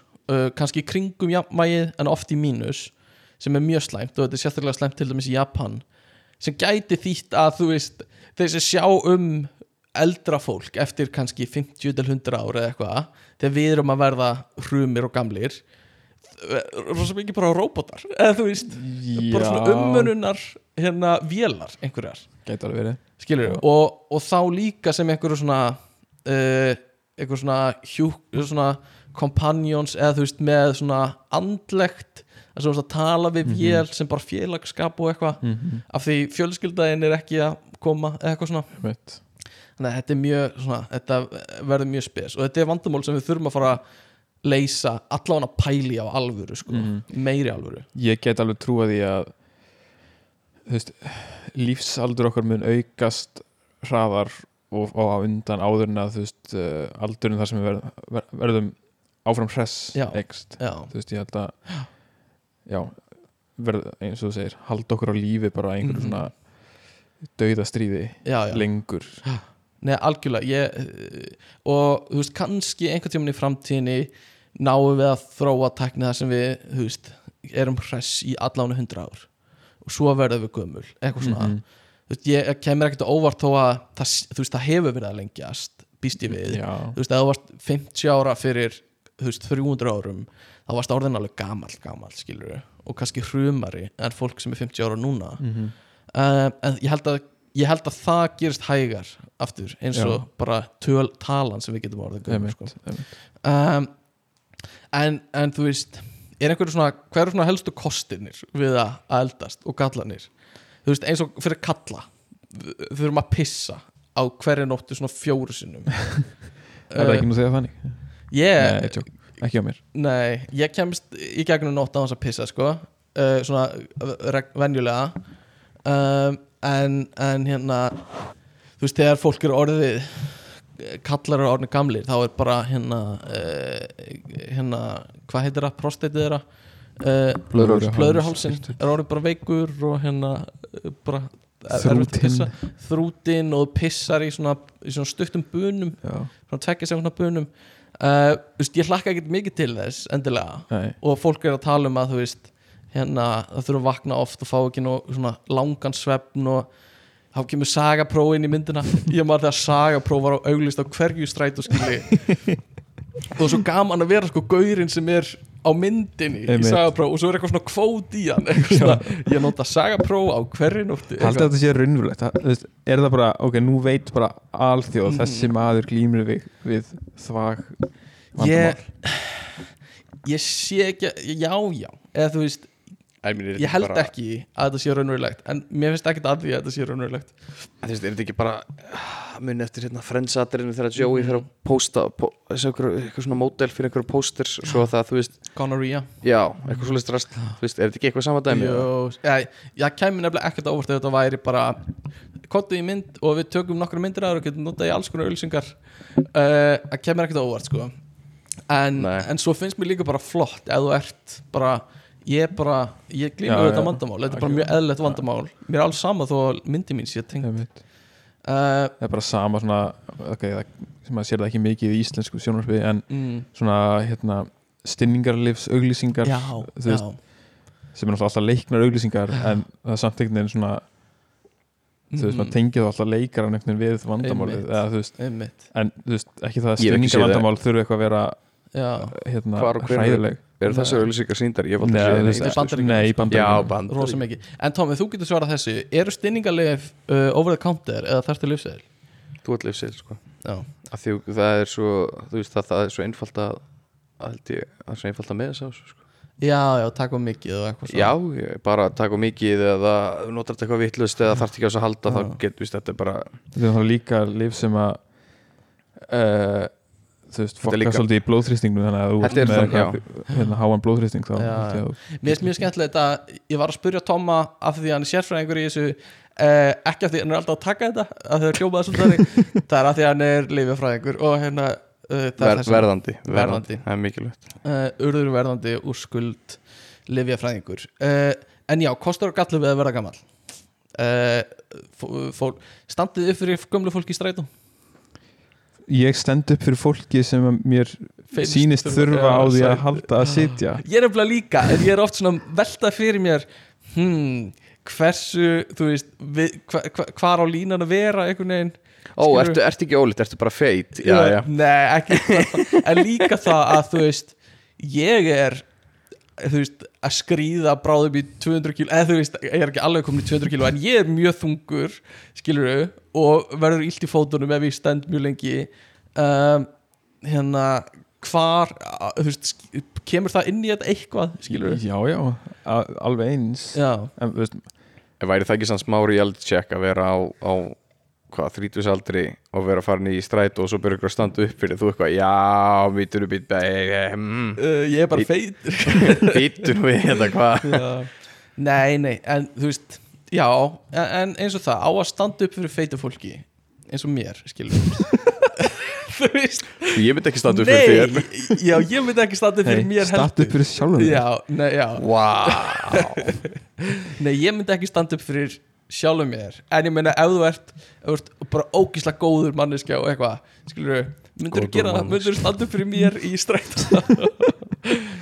um, Ég veit það ekki, sko. Og ég veit ekki hvað svona, hvað er rétta í stöðinni alltaf. En maður reynir náttúrulega bara að maður svona sér að það er sér að það er eitthvað svona hérna, þörf fyrir það, sko Mhm. en ég stenda samt sko, eitt, eitt kostu við gammalt fólk það kemst upp með helviti mikið meira en flesti myndir þú komast upp með mm, mm. þólum að ekki akkur gömlu fólki hún alveg tí, sko tugablist sko. mm, og það eru margir sem nýta sér það já, já, bara þykist eitthvað svona ekki skilja eða já, já, já. sko. Já, ég hugsa það sko að hérna, það er auðvitað alveg algengt sko Ég sá gamla kalli sundi um daginn og hérna uh, og hérna uh, var synda bara mjög nýla og hann kemur í laugin og ég er að klára og hann eitthvað já, á maður ekki að fara að synda uh, þúsund metra? Og ég segi, jú, ég er að klára. Og hann eitthvað, já, í alvörunni? Eitthvað svona, bla bla bla.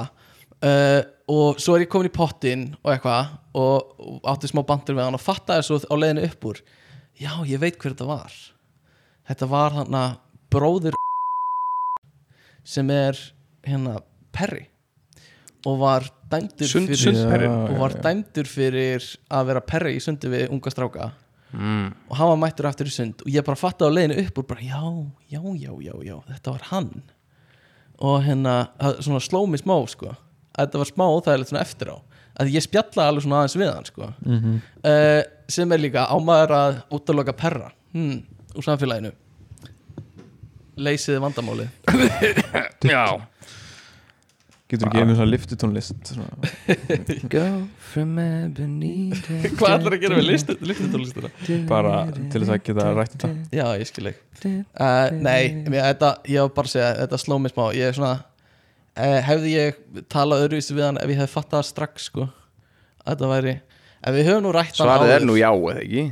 Jú, sennilega, en ég spjallaði nú ekkert mikið með það, bara aðeins tala um sundið og eitthvað svona. Ég held að sé me- meira kannski ok, ef þú ef ég átta, ef ég veit að einhver sem ég er að tala við er, þú veist, hefur verið dæmdur fyrir eitthvað svona eða þú veist, hérna, eitthvað slíkt Já. Þú veist, ég veit ekki hvort ég endilega myndi bara segja bara stopp, ég tala ekki við þig já, en maður væri alltaf svona veginn í vörð Já, eða svona einhvern veginn svona alltaf svona greina hver einustu setningu sem einhver Já. segir ef Já. að mögulega algjörlega sko. ég, ég lendi í þessu hérna í, í einhvern tímann, einhverja helgina í Jack and Jones það kom einn einstaklingur sem er er, er cancelled. Mm og hann kom inn og ég eitthvað svona æ, ég held ég farið bara á klósti já, ég var bara svona, æ, ég veist, æ, ég bara, ég, veist ég nenn, ég veist, eh. Já, er þetta go to move fjár? Nei, nei, nei, þarna var ég bara svona, við erum fimm, fjögur, fimm á gólfinu. Mm. æ, ég fer bara eitthvað. Veist, bara ég var bara, já, já, þú veist, ég bara það var svoleið, sko, ég var bara svona, æ, ég, æ, neini, sko Já Ég hef ekki, eh, hef ekki áhugaði að bjóða, vera, eitthvað næs og, og, og þjónustu lundaður eitthvað hann Ég er bara svona, æ, nei, Ég held, sko, gallið við að vera gamall. Um, Ég held að uh, það sé ekki hlustað á þig að neinu, að einhverju mjög miklu viti. En ég meina flokku fólksins komst á þing öruglega miklu leiti út af því að þau lofuðu að hlusta á, á gammalt fólk, sko. Mhm. um, og þú veist það er alltaf vesen með þú veist, að þú vinnur, leggur hart á þér í vinnu yfir starfsæfnaðina og kemst á ed- eftirlíferi ellilíferi eftirlíferi, ellilíferi og hérna uh, og af því þú varst svo duglegur og átt svo mikið pening þá farðu minni ellilíferi, eitthvað svona skilur uh, sem er alveg svona þetta er mjög sósilíst, þetta er partur af sósilísku samfélagi að hérna dreifa þessu að því þú átt pening. Uh, en þú veist, ég held að sé líka leðilegt að hérna að, að bara þurfa það og þú ræður ekkert við það. Skilur mm. mm. og það er eitthvað svona, þú veist þú færð engin laun á, eða þú veist, þetta er kannski 300 skalla mánu eða eitthvað, ég veit ekki hvað allir lífur hár. Ég held sem mjög erfitt sko að hérna, að vera þú veist, ekki að vinna. Segið eitthvað. Já Ég, ég var svona ég var ekki að fara að segja þetta. ég var að þetta að að býja til að þú klárar hennar bótt, sko, ég var bara, ja Sko ég misti aðteglina í tvær segundur og það var, eitthvað svona major punktur sem ég misti af og ég, bara, ég veit ekki svona hvað það tala um lengur. Nei, sko, ég held samt, sko ég var að reyna bara Eist, það sem væri líka, ég, ég, ég hefði áhyggjur af, af sem hlutu því eldast, er að maður þarf að halda sér sko tæknilega sér, maður þarf að vera með sko, já, ég er mjög smeykur um allt við kemur bara eitthvað dót út og ég er bara, ég veit ekkert hvernig þetta virkar. Já, það kemur Það svona mun koma að því. Já, það mun koma að því. Það kemur svona heila chips á okkar þegar við erum orðin gamlir. Mm. og allir bara, hei aði, ert búin að prófa nýja hérna, og bara einhver rússabolluleik?" skjáir að poppa upp fyrir fram augun á mér eitthvað, nei, nei, nei, nei, nei, nei, nei. Ég er í búðinni, hvað, close screen allt í henni komin inn í einhver svona kvenna undirfatta banner og eins og við löndum í íslensku kennarinn okkar í tíma. Uh, klikkað klámsíð og bara, nei, nei, nei, nei, hættu þessu. Fór að halda tölvu- skjáin þegar á hann með skjávarpan í gangi upp á töflu. Uh, alveg hilarious. Ekki, ekki, ekki, ekki fara að horfa, lítið undan. Þannig að maður lendir pott í einhverju svo leiðis og þú veist það verður sko arftaki, arftaka, arftaka, arftaka, arftaka TikTok. Og verður, þú veist, komin einhver svona nýr miðill, skilur og hérna be, be super real, eða eitthvað. Og hérna, og við bara, ég skil ekki neitt í þessu. Ég, ég bara, ég er smá þannig ég er svona að resista TikTok sko, en Já, það er af því Þú skilur samt alveg hvernig það virkar. Þú skil- getur alveg nota forrið og allt og, þetta. og ég skil tæknina við þetta þú veist, bak við þetta sem ég hugga mig oft við í svona, hérna Það er bara, það er bara húmorinn sem þú skilur, það er bara menningin. Nei, menningin. Og líka bara, hérna varandi TikTok og, og þetta er bara svona þetta er bara svona prinsip sem ég setti mér og það er ekki þannig að önnur fyrirtæki er eitthvað betri en þú veist, ég vil ekki gefa kínversku ríkistjórnir öll gögnum mín skilur í staðir gef ég bara Google öll gögnum mín. Það er betra. Það er betra. Þeir vita veist, hvað þeir eiga að gefa þig. maður verður að draga línuna einhver staðar skilur og það er, svona, það er eina ástæði fyrir ég noti ekki TikTok er þú veist kínverska ríkistjórnir veit, ég vil ekki að viti allt um mikið um mig. Hún veit allt um já, Engar sennilega. áhyggjuvinur. sennilega. Um, já, en kostur og gallar, fleiri Það er kostur að hætta að vinna en það er líka gallið að hætta að vinna. Já, þetta, þetta er þetta er góð punktur sko, þú þarf alveg sko að rífa upp áhugamálin held ég sko. Já, þú þarft eiginlega að vera þú veist, búin að einhvern veginn að þú veist, hefur talað um þetta. já, þú hefur talað um þetta. Ég heyrti, við hefum rætt þetta áður. Golf. Þú Já, vilt byggja bara- í hægin Já, ekki bara golf eða bara þú veist hvað sem það er, þú getur ekki Mm. ákveðið þegar þú ert 67 ára og hættur að vinna. Nú ætla ég að byrja á einhverju en ég held að fólk gera það oft í kringu 50 þá byrjar það eins og að spila golf og eitthvað bara til þess að vera komin ángað fyrir spánarferðinar eftir 15 ára Einmitt.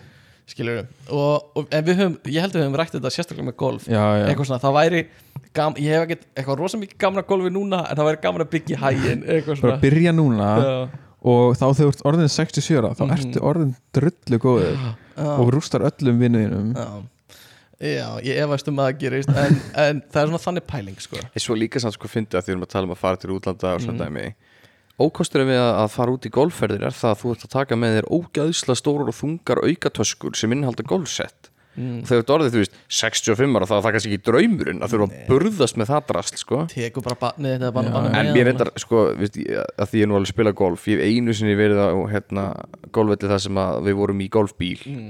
Og það var mitt á, hérna, Spáni og taka átjánhólur og, og þá var hluta af hringnum var að fá bíl og við eitthvað, akkur ekki? Ég held að sé ekkert leiðilegt að vera með löglega afsakull að vera bara okkur um heldis golfbíl, sko. Já, það er alveg næs að krúsa bara um öllin á okkur bílilu bíl, sko. Mjöð- mjöðminn maður aðeins svona ég þarf að brakka svolítið nén Golf er svo góð hreyfing. Já, þetta er svo góð hreyfing Já, um, Nei, algjörlega. Og hérna Þannig að petalfóturinn, hægri fóturinn og petalinn já, ég, þetta er kálfin En svona aftur, svona smá tengi einu það sem við vorum að tala um aðan Ég er svolítið hrifin að því þegar gamalt fólk tilengar sér nýju tæknina. Og svona, maður hefur séð svona gamalt fólk sem er að stríma tölvuleikjum. Ég, Mér finnst það alveg, ég hef ekki fylst með því sjálfur En svona tilhugsunum finnst mér svolítið skemmtileg.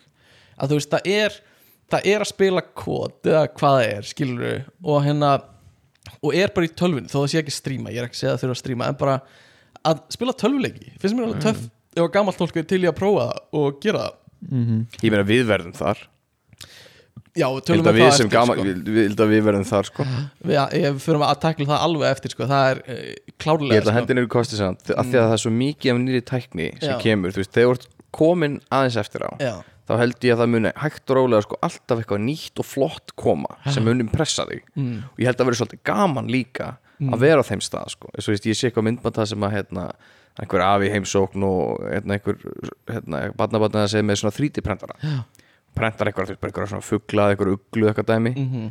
og svo sýnur hann og hann er bara wow, bara gerðir þú þetta? Hann eitthvað, ég bara með svona fæl hérna í tölvunni og, og hann bara prentar þetta út hérna og hann eitthvað, má, má, má, má ég kaupa þetta þér? Hann eitthvað, þú, þú mátt bara eiga þetta. Þetta Já. kostaði svona þrjú sent efni sem fór í þessu uglu. Einmitt. Og hann var bara má, má, má, ég, skal, ég skal eiga þetta ef, ef, þú, ef þú áritar þetta fyrir mig. Vá. og svo, svo bara myndbætt honum í bílnum með eitthvað uglu og eitthvað, örn og hann er bara bara glottat út af eirum að skoða eitthvað svona bara svona frekar basic 3D mótel af þessu fuglum sko. En á sama tíma, veist, þessar típur eru til en svo eru líka típurnar sem eru bara þetta er nú bara eitthvað plastrasl sem að Já. ég geti tálkað þetta betur úr, úr tré Hendi mig Hendi mig um eikar bút og ég skal sína þig hvað hendir getur gert. Jú, jú, algjörlega sko. Og hérna, fjóru dögum setna en uh, myndu þú veist taka pillur til að eh, hægja á ellin eitthvað og þú veist hérna uh, það er verið að tala um og við erum komin í smá svona sci-fi pælingar sem margir vilja meina að séu grándæri í raunveruleikunum. En þú veist lifið elli. Uh, vegna þess að elli er alveg svona smá skríti fyrirbæri skilur, það eru til dýr sem veist, eiga ekki eldast. Einhver svona skélfiskadýr hvort það var Já, einhverju svampar og Já, og krossfiskar eða, eða humrar eða eitthvað svona sem eigi ekki eldast. líka hérna, hvað heitir hérna margliftur Já, og svo eru er eh, hægt að finna einhverja, einhverja kvali sem eiga að vera veist, frá 1600 eða eitthvað skilur við uh, þann, Hákalla líka, þeir verða alveg Já, Grænlands 150, hákarlar. 200, 350 ára einmitt. þannig að þú veist uh, elli er rosa svona það, það er smá steikt fyrirbæri. Og maður spyr sig, er það, er náttúran bara búað til til þess að þú veist, halda einhvern veginn fjölbreytileikan gangandi og að svona þróunin er gangandi gæti verið, en þú veist þannig sé ekkert sem segir okkur að það er ekki hægt að finna eitthvað til að stoppa það. Og jafnvel snúinu við sko. um, Ég, sko, ég, ég held að ellin í grunninn sé bara oxun sko. Þú hefur sagt Líka með nokkar oxast bara hraðar. við töluðum um þetta held í gæti verið. Og ég man að þú sagðir oxun þá líka. Og ég, Akkur heldur að fólk alltaf að taka andoxunar efni maður? En Ah. hvað meinar með oxun? Þú veist það er bara súrefni eitthvað svona. Það er bara straight up það sem er að gerast. Bara Frumurnar er ekki að ráða. Súrefni er bara að kvarfast við frumurnar og skemma eitthvað í frumunum sem þýðir þetta í já, og það gerir svo bara hraðar ég heyrði líka að þú veist þetta er að því þú ert alltaf að frumunniðin er alltaf að fjölga sér og, og, og eitthvað svona að með hverju fjölgun þá þú veist bætast við villur í mm -hmm. er hægt og rólega stökkbreytingar, meir líkur á vesinn og þú veist uh, hérna elastíni í húðinni inni, það hættir að vera einn stert og það er þangur til úr 20 ára og eitthvað svona. Já, Eh, beinþynningar og já, eh, ég meina lifta til að spórna við því en, osteoporosis en hérna uh, Osteo strong osteostrong, þetta er nýrflokkur. Uh, Borða þara. en, en þú veist, ef við getum einhvern veginn gert það þannig að þú veist, við getum sagt frumunum okkar að svona er fullkomin fruma hjá þér án galla, skilur gerðu frekar svona heldur en að taka afrit af gallari frumu, eitthvað svona. Og við getum bætt við auka buffer á DNA að okkar, að ég heyrði það líka að þú veist, þegar þú ert gamall þá ertu farin að býta svolítið inn í svona ákveðin buffer sem er á endanum á DNA-inu uh, og þegar þú ert yngri þá er bufferin stór. Þannig að, að þegar þú ert að fjölfalda þá minkar alltaf DNA eitt pínu pons í hvert skipti og endanum ertu farin að minka eitthvað sem er mikilvægt skilur við getum bætt við bufferina og eitthvað svona, það eru alls konar svona pælingar sem hljóma eins og sci-fi og bara eitthvað kjaftaði en þetta er náttúrulega bara heilvísindi að hérna í framtíðinu mögulega verður hægt að hæja á elli stoppa hana eða snúinu við. Ég held samt sko því miður allavega fyrir okkur Ég held að sé rosalega langt já, þið miður og við Því það er bara svo mikið Já. sko það, veist, bara, eitthvað sem ég var að læra mm, það er til urmull af þeim og það er til svo miklu meira af þeim sem við hreinlega bók, við vitum ekkert hvað þeir gera. Þeir eru þarna af ástæðu. Mm, þú veist það er gróð þarna einhverstað líkamannum á einhverju frumu sem er tilbúin að móttaka viðtaka eitthvað. Og gerist eitthvað þegar, þegar að það tekur á móti þessu. Mm. og við vitum ekkert hvað getur Nei, einmitt, og þetta er, þú veist við þyrftum 200 ár kannski til að rannsaka þetta og, þa og þá værum við á þeim stað þannig að við þyrftum En ekki var þegja. ekki komið, það kom held í fréttunum daginn? Það var að klára, það var búið að klára rað, rað, hérna, raðgreina DNA mannsins Já, held ég, já. ég voru að klára loks búin að kortleika þetta. Mhm, þannig þá kannski getur hafist eitthvað sem að gæti ekki gerst fyrir já, já. mörgum árum síðan sko. einmitt, ég man þegar líffræðikennarinn okkar kom með veist, uh, Orminn, o- DNA og einhverju, ormi að plöntu ég man ekki hvað það var. Það var og það var bara eitthvað huge thick bók sem var bara A, T, C, G, A eitthvað svona, bla bla uh, sem var bara DNA en allavega, það sem ég allavega að segja var að hérna uh, mögulega með hjálp gerfugreindar getum við látið, þú veist, ef við fáum alvöru gerfugreind, getum við látið hana finna út úr öllu svona fyrir okkur, kortleggja mannslíka mann og allt það. En mig grunar að við séum ekki að meika köttið fyrir það að, að stoppa ella einhverju marki En maður Nei, samt sko að það, veist, þessu, ég hef alltaf gaman að henda þessu fram. Mm, þegar pappi fermdist já, þá fikk hann í fermingugjöf svakalega græði sem hefur nýst mikið í, fremd, í, í, í nútíðinni og hefur alltaf gert síðan. Já. það kostaði, sko, þetta var bara svo að fá sko, þú veist, 250 skrónar fartölu mm, í fermingugjöf já, hann Þetta var fekk, womanizer hann fekk reiknivél já bara, kla, bara klassiska reiknivél með þetta er sama draslu og finnur fyrir 100 kall í A4 á fjórum sko. það, sem, það sem var verið að gefa í pulsupökkum þegar að ég, ég var lítill sko. ég fikk einhverja góða reikningu sem ég notaði í skóla veist, veist, þetta strax sko, veist, já, já, það er alveg rétt það er sko. reiknivél í fermingugjöf og núna er hann að, núna er hann bara allt snerti skjáir, allt svona voice command dæmi, maður Nei, má ég meina- ekki vannmeta hvað ég held, algjörlega. Held að sé nefnilega svolítið sé smá, exponential í tækninni sko. það, það, sko, það gæti verið möguleiki en svo gæti við verið að ofmetan líka. En ég meina, þú veist, við vorum að horfa á Vaff og S-pólur í gamla daga, skilur, það er bara eitthvað segul eh, eitthvað svona Þetta orðið mesta Skil boomer ekki. podcast skil bæðu ekki ennþá hvernig, hvernig fucking segulband virkar. Það er bara eitthvað sem ég næ ekki haustum mínum kring. Allavega, ég, við ættum kannski ekki að fara of mikið þessa sálma Betamax! við erum líka búinir að taka upp mjög svipaðan þátt sem er framtíða þátturinn okkar Já. Mm. og hann var mjög skemmtilegur hef ég heyrt að margir segja. En það er e- e- eitt sem ég myndi vilja segja. Ég veit ég var að segja áðan að eitthvað Svo lengi sem að ég er hress þá vil ég halda áfram að lifa. Já, En það er væntalega einhver takmörk fyrir því Þú veist, ef ég Þú veist, ok, segjum að með þessari tækni sem þú ert að tala um þá getur við orðið 120 ára Mhm. ef það er bara meðalaldur, Mhm. gæti orðið uh, Þú veist, hvað höfum við að lifa fyrir Já, þá? Þú veist, já. eh, þegar við erum ung, þú veist, ok, markmið okkar í lífinu, þú veist, svona líffræðilega er að koma genunum okkar áfram já, og svo þegar við, við erum búin að eignast börn og þá eignast við barnabörn og við getum an, hérna, síðan þau mhm, og svo kannski barna barnabörn en þú veist, við erum ekki nefnilega að fara mikið að sjá um þú veist, barna barna barnabörnin já, okkar. Nei, ég held að sé ekki, ekkert amalegt að geta hitt þau. Nei en þú veist og mun eftir þeim og, Nei, og ég svona skil dót. hvað að meina nei, samt, sko. já, veist Það svona, verður líka fjallaga þeirra og fjallaga já, já, þú veist og, og já, og þú að veist, þú svona, einn af 16 langa langöfum.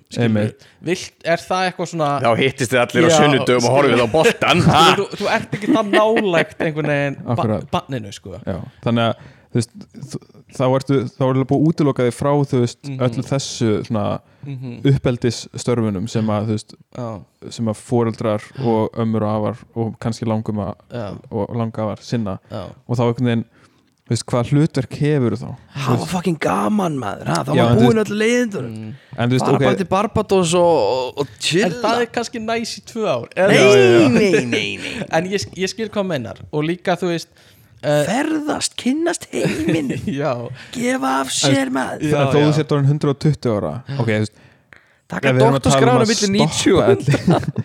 Þú veist, ok, við erum náttúrulega ok, við erum að tala um að stoppa elli en það er náttúrulega, ok, ekki að fara að gerast strax. já, en En pæli líka í plássleysinu og fokk-uppinu fyrir jörðina ef við erum að fara að ná að allt innu bara, erðu bara fólk er að lifa 10-20 ára lengur og við bara, Það En er þá ekki húsnæði fyrir þetta fólk Þá kemur svona Costco vöruhús og síndarveruleiki Mm. þar sem við setjum fólk bara í einhver svona Te- kistur. Teleportation. Nei, hættu nú, við erum ekki, við erum ekki sci-fi við erum erum ekki reyna að grænda þetta í raunveruleikan við, hérna. við erum, við erum ellismell en hérna, nei, þetta er alveg þetta er alveg pæling. Og líka þú veist þú verður mögulega einhvern tíma þreytur á því bara að vera til. Vegna þess að það er þreytandi tilhugsun að vera alltaf til vera alltaf með meðvitund og vera endalaust bara, þú veist, einhvern veginn svona continuous stream á einhverju consciousness. Það er erfitt og það er ákveðin svona léttir í því að hugsa til þess að fara bara aftur í ástandi sem þú varst áður en þú fættist og það þarf ekki vera eitthvað svona hræðilegt skilur þú varst ekki trættur áður en þú fættist skilur það var bara frekar þægilegt. Það var bara cozy skilur og fara bara einhvern veginn aftur í það ástand getur verið bara léttir að þú ert orðin bara þreyttur á að vera með hugsunum þínum endalaust algjörlega skilur, þú verður þreyttur á bara, því taka bara líkna döðan bara, jæja, fimmtudaginn. koma líka alltaf fleiri eftir- sig bara út eftir því sem við lifið lengur þá verða vantilega fleiri og fleiri þú veist, svona ups and downs, fleiri bylgjur í lífinu Mm. þannig að þú, veist, kann, þú erði kannski bara þreyttur á því Mm. ástandi já að þú veist, mhm. uh, en mögulega uh, ef það myndi hafa það í för með sér að það geti komið annað Mögulega. þar sem þú, klárar batningarskeið 50 Mhm. eða 50 og svo geti annað tekið við. Mhm. en Ég- það er náttúrulega þá þarf það að vera með einhverju svona eitthvað þrónurlegt í hausnum að sem segir þér að það sé það sem þú vilt gera. En það er samt en alveg oft, oft, oft sem það gerist eins og ég menna hérna, eitt félagi minn, þú veist, hann, hann á bróður sem fættu hvað, 99 mm, og það, þú veist, þegar fó- þú veist, hann fæðist þetta þegar fóldrar, er, fóldrar þeirra eru svona í kringum 22-23 mhm, svo á hann, á hann tvær systur. Þær eru sko, þú veist 11 og 8 mm, það kemur bara svona 10 ára gap hann á milli. Mhm. það sem að þú veist, ekkert gerir svo allt í nú bara. Tvö ný sískinni á tveimur árum. Já, já, en það er samt það alveg það er sann það. er svolítið, eða, ok, ég er að tala um ok, þú og það er lengra gap. Já, ég er að tala um þú eignast kannski þrjú börn á tíu ára Mm. tímabili þegar þú ert, þú veist, á þrítugsaldri elur þau öllu upp, þannig að þau eru komin út úr húsi Mhm. og þá byrjar aftur kannski þrjú ný börn og þú veist, ert bara 90 þú veist, alg, algjörlega til í það eða þú veist, það er bara svona Mhm. og, og, þú veist, það er eitthvað svona þrónurlega sem kallar á að þú þurfur að eignast fleiri Mm. börn og ég get alveg séð þú veist, það gerast já, fyrir öll kyn skilur að þú veist, búa til uh, einhverja kynfrumur þó að það gerist ekki í eggjastokkum eða, eða eistum að þú veist, við verðum með tækni þannig að við getum tekið bara úr, einhver, úr einhverjum og búið til mannesku út frá DNA hans á tellunastofu og þá getur jafnvel tveir kallmenn eða tvær kon, eða þú veist skilur, Mhm. öll, bara blanda alls konar uh, bara Mm. á tellunastofu já, og bara, bara með því að fiffa einhvern veginn. Kentárar og satýra Já, nei, ég meina, já, samt alveg En ég meina, við erum komin í genasplæsingar og það er aðeins þú annað ert komin í bestiality. Nei, sko, Tommi kom með það Ég ætla ekki að tala um það. En þú veist, ég meina, hversu næs væri að geta ríði fisk? Nei, hérna, uh, það sem ég ætla að segja er hérna að uh, þú veist, við getum það verður mögulega til tækni þar sem við getum bara fengið DNA og tæknin hjálpar okkur að búa til það sem þur, þarf eins og kynfrumur eða eitthvað út frá því. Og þú veist það væri hægt að leika sér eitthvað með að hann hefur með gagginhegt par og við búum til eggfrumu úr kallinum og, og að vantar þetta ílitning í konuna en ég meina það er örgulega hægt að fiffa það einhvern veginn skilur og hérna ég get alveg séð það gerast sko. Að við getum fara að leika okkur með genin. Það er bæði spennandi en líka getur verið mjög hættulegt. Og það er bara efni í heilan þátt svona gena pælingar sko. Um, ég er með uh, annað vandamál sem ég ætla að beða ykkur að hlusta á. Og hérna þið, og svona vandamál sem ég ætla að sjá hvað getur leist fyrir hlustendur. Og þetta er svona þjónasta sem við ætlum að bjóða upp á. Að þú veist, þið viljið senda inn hljóðklippu eða e-mail getið þið gert það og hérna uh, þetta er aðeins dittra aðeins síðast þannig að uh, ég ætla að lega okkur að hljóða þetta Já, góðan dag. Ég heiti Bogi og ég er bí á allir heimilinu grund. Já, eins og Ágúst fæði minn gerði líka á sínum tíma. Ég, hérna, glými við það leðinda vandamála. Mér er alltaf kallt og ég er sama hvers- hversu mikið af teppum ég læt á mig, mér er alltaf kallt. Og ég, eina sem ég hef kom, komist að að virka fyrir mig er, já, ef ég sé tippi á mér í ristavél, þá hlýna mér um stundarkorn. En mér vantar endilega hjálp við að finna eitthvað annað sem, sem getur hlýjað mér. Svo ég byrja verið til að byrja ykkur um að finna lausn fyrir mig, takk. Já, verið blessaður. hugmyndir? Flytja til útlanda. Mm. mm, sko, hann býr á grund, ég veit ekki hvort það er möguleikar El Grando El í Grando Sevilla. Mm. hann hérna uh, Michael Scott. Úr Office? Já, hann leisti þetta vandamál með því að eða svona með því að stíga á George Foreman grill. Já, já, hitta annar líkma með öðru eldurstæk já, Ok. bara þú veist að setja kinnfæni sín í bröðrist er Mhm. mjög ópraktíst en að stíga á George Foreman grill já, það er svona bara hita það er, skot það er praktíst það er praktíst, það er bara hita skot þú veist, frá, frá þú veist, já, frá ylinni og allarleið upp já, þú já, veist, sem að hann leiðir vel upp Mhm. allar líkamann. Mér finnst þetta mjög praktíst og gott að ráð sko. Nú ætlum ég aftur að hendi, hendi heilbristaðarspilin Ég held að blóðleysi sé tengt við kulda. Blóðleys, já, Blóðleysi, að hann, gæti þurft játn og eitthvað Já, Blóð- hann gæ- ok, hann, hann liggur upp í rúmi með stansleysan ströym af blóði. Sure. Auka blóði já, auka blóði í sig. Já. e, Já, eða bara borða mat sem að hjálpar hjálpar blóðbúskapnum betur og taka Erum kannski mögulega einhver lifið þessu? En erum við þá mögulega að tala um vampíru Nei, nei, bara þú veist, hann bara hann er með áskrift hjá blóðbankanum. Ok, ok, ok. Bara hann færi alltaf bara meira en hvað með vampíru skilur þeim er oft kalt. En ég meina líka bara ef hann byrjar að Ó, hann er kannski eðlumadur það Það er bara að vera út í sólinni meira. Já, ok. Það sig upp, eða ekki? En ég held að Ofnar líka, þeir eru þeng. Ofnar, Ofnar, já, já, já það er Ok. að hita ofna já, já, það er hægt að hita ofna Það verður hlýra. Það er satt, ok þannig að eh, einhver Góð peysa.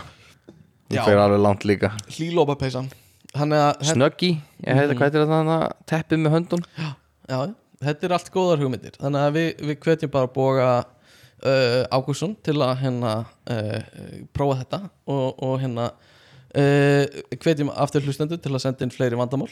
Um, En uh, ef þið eru komin á svona æfukvöld ykkar og, og sjáu ekki fram á að lifa lengur eða neitt svo leiðis myndið þið frist ykkur?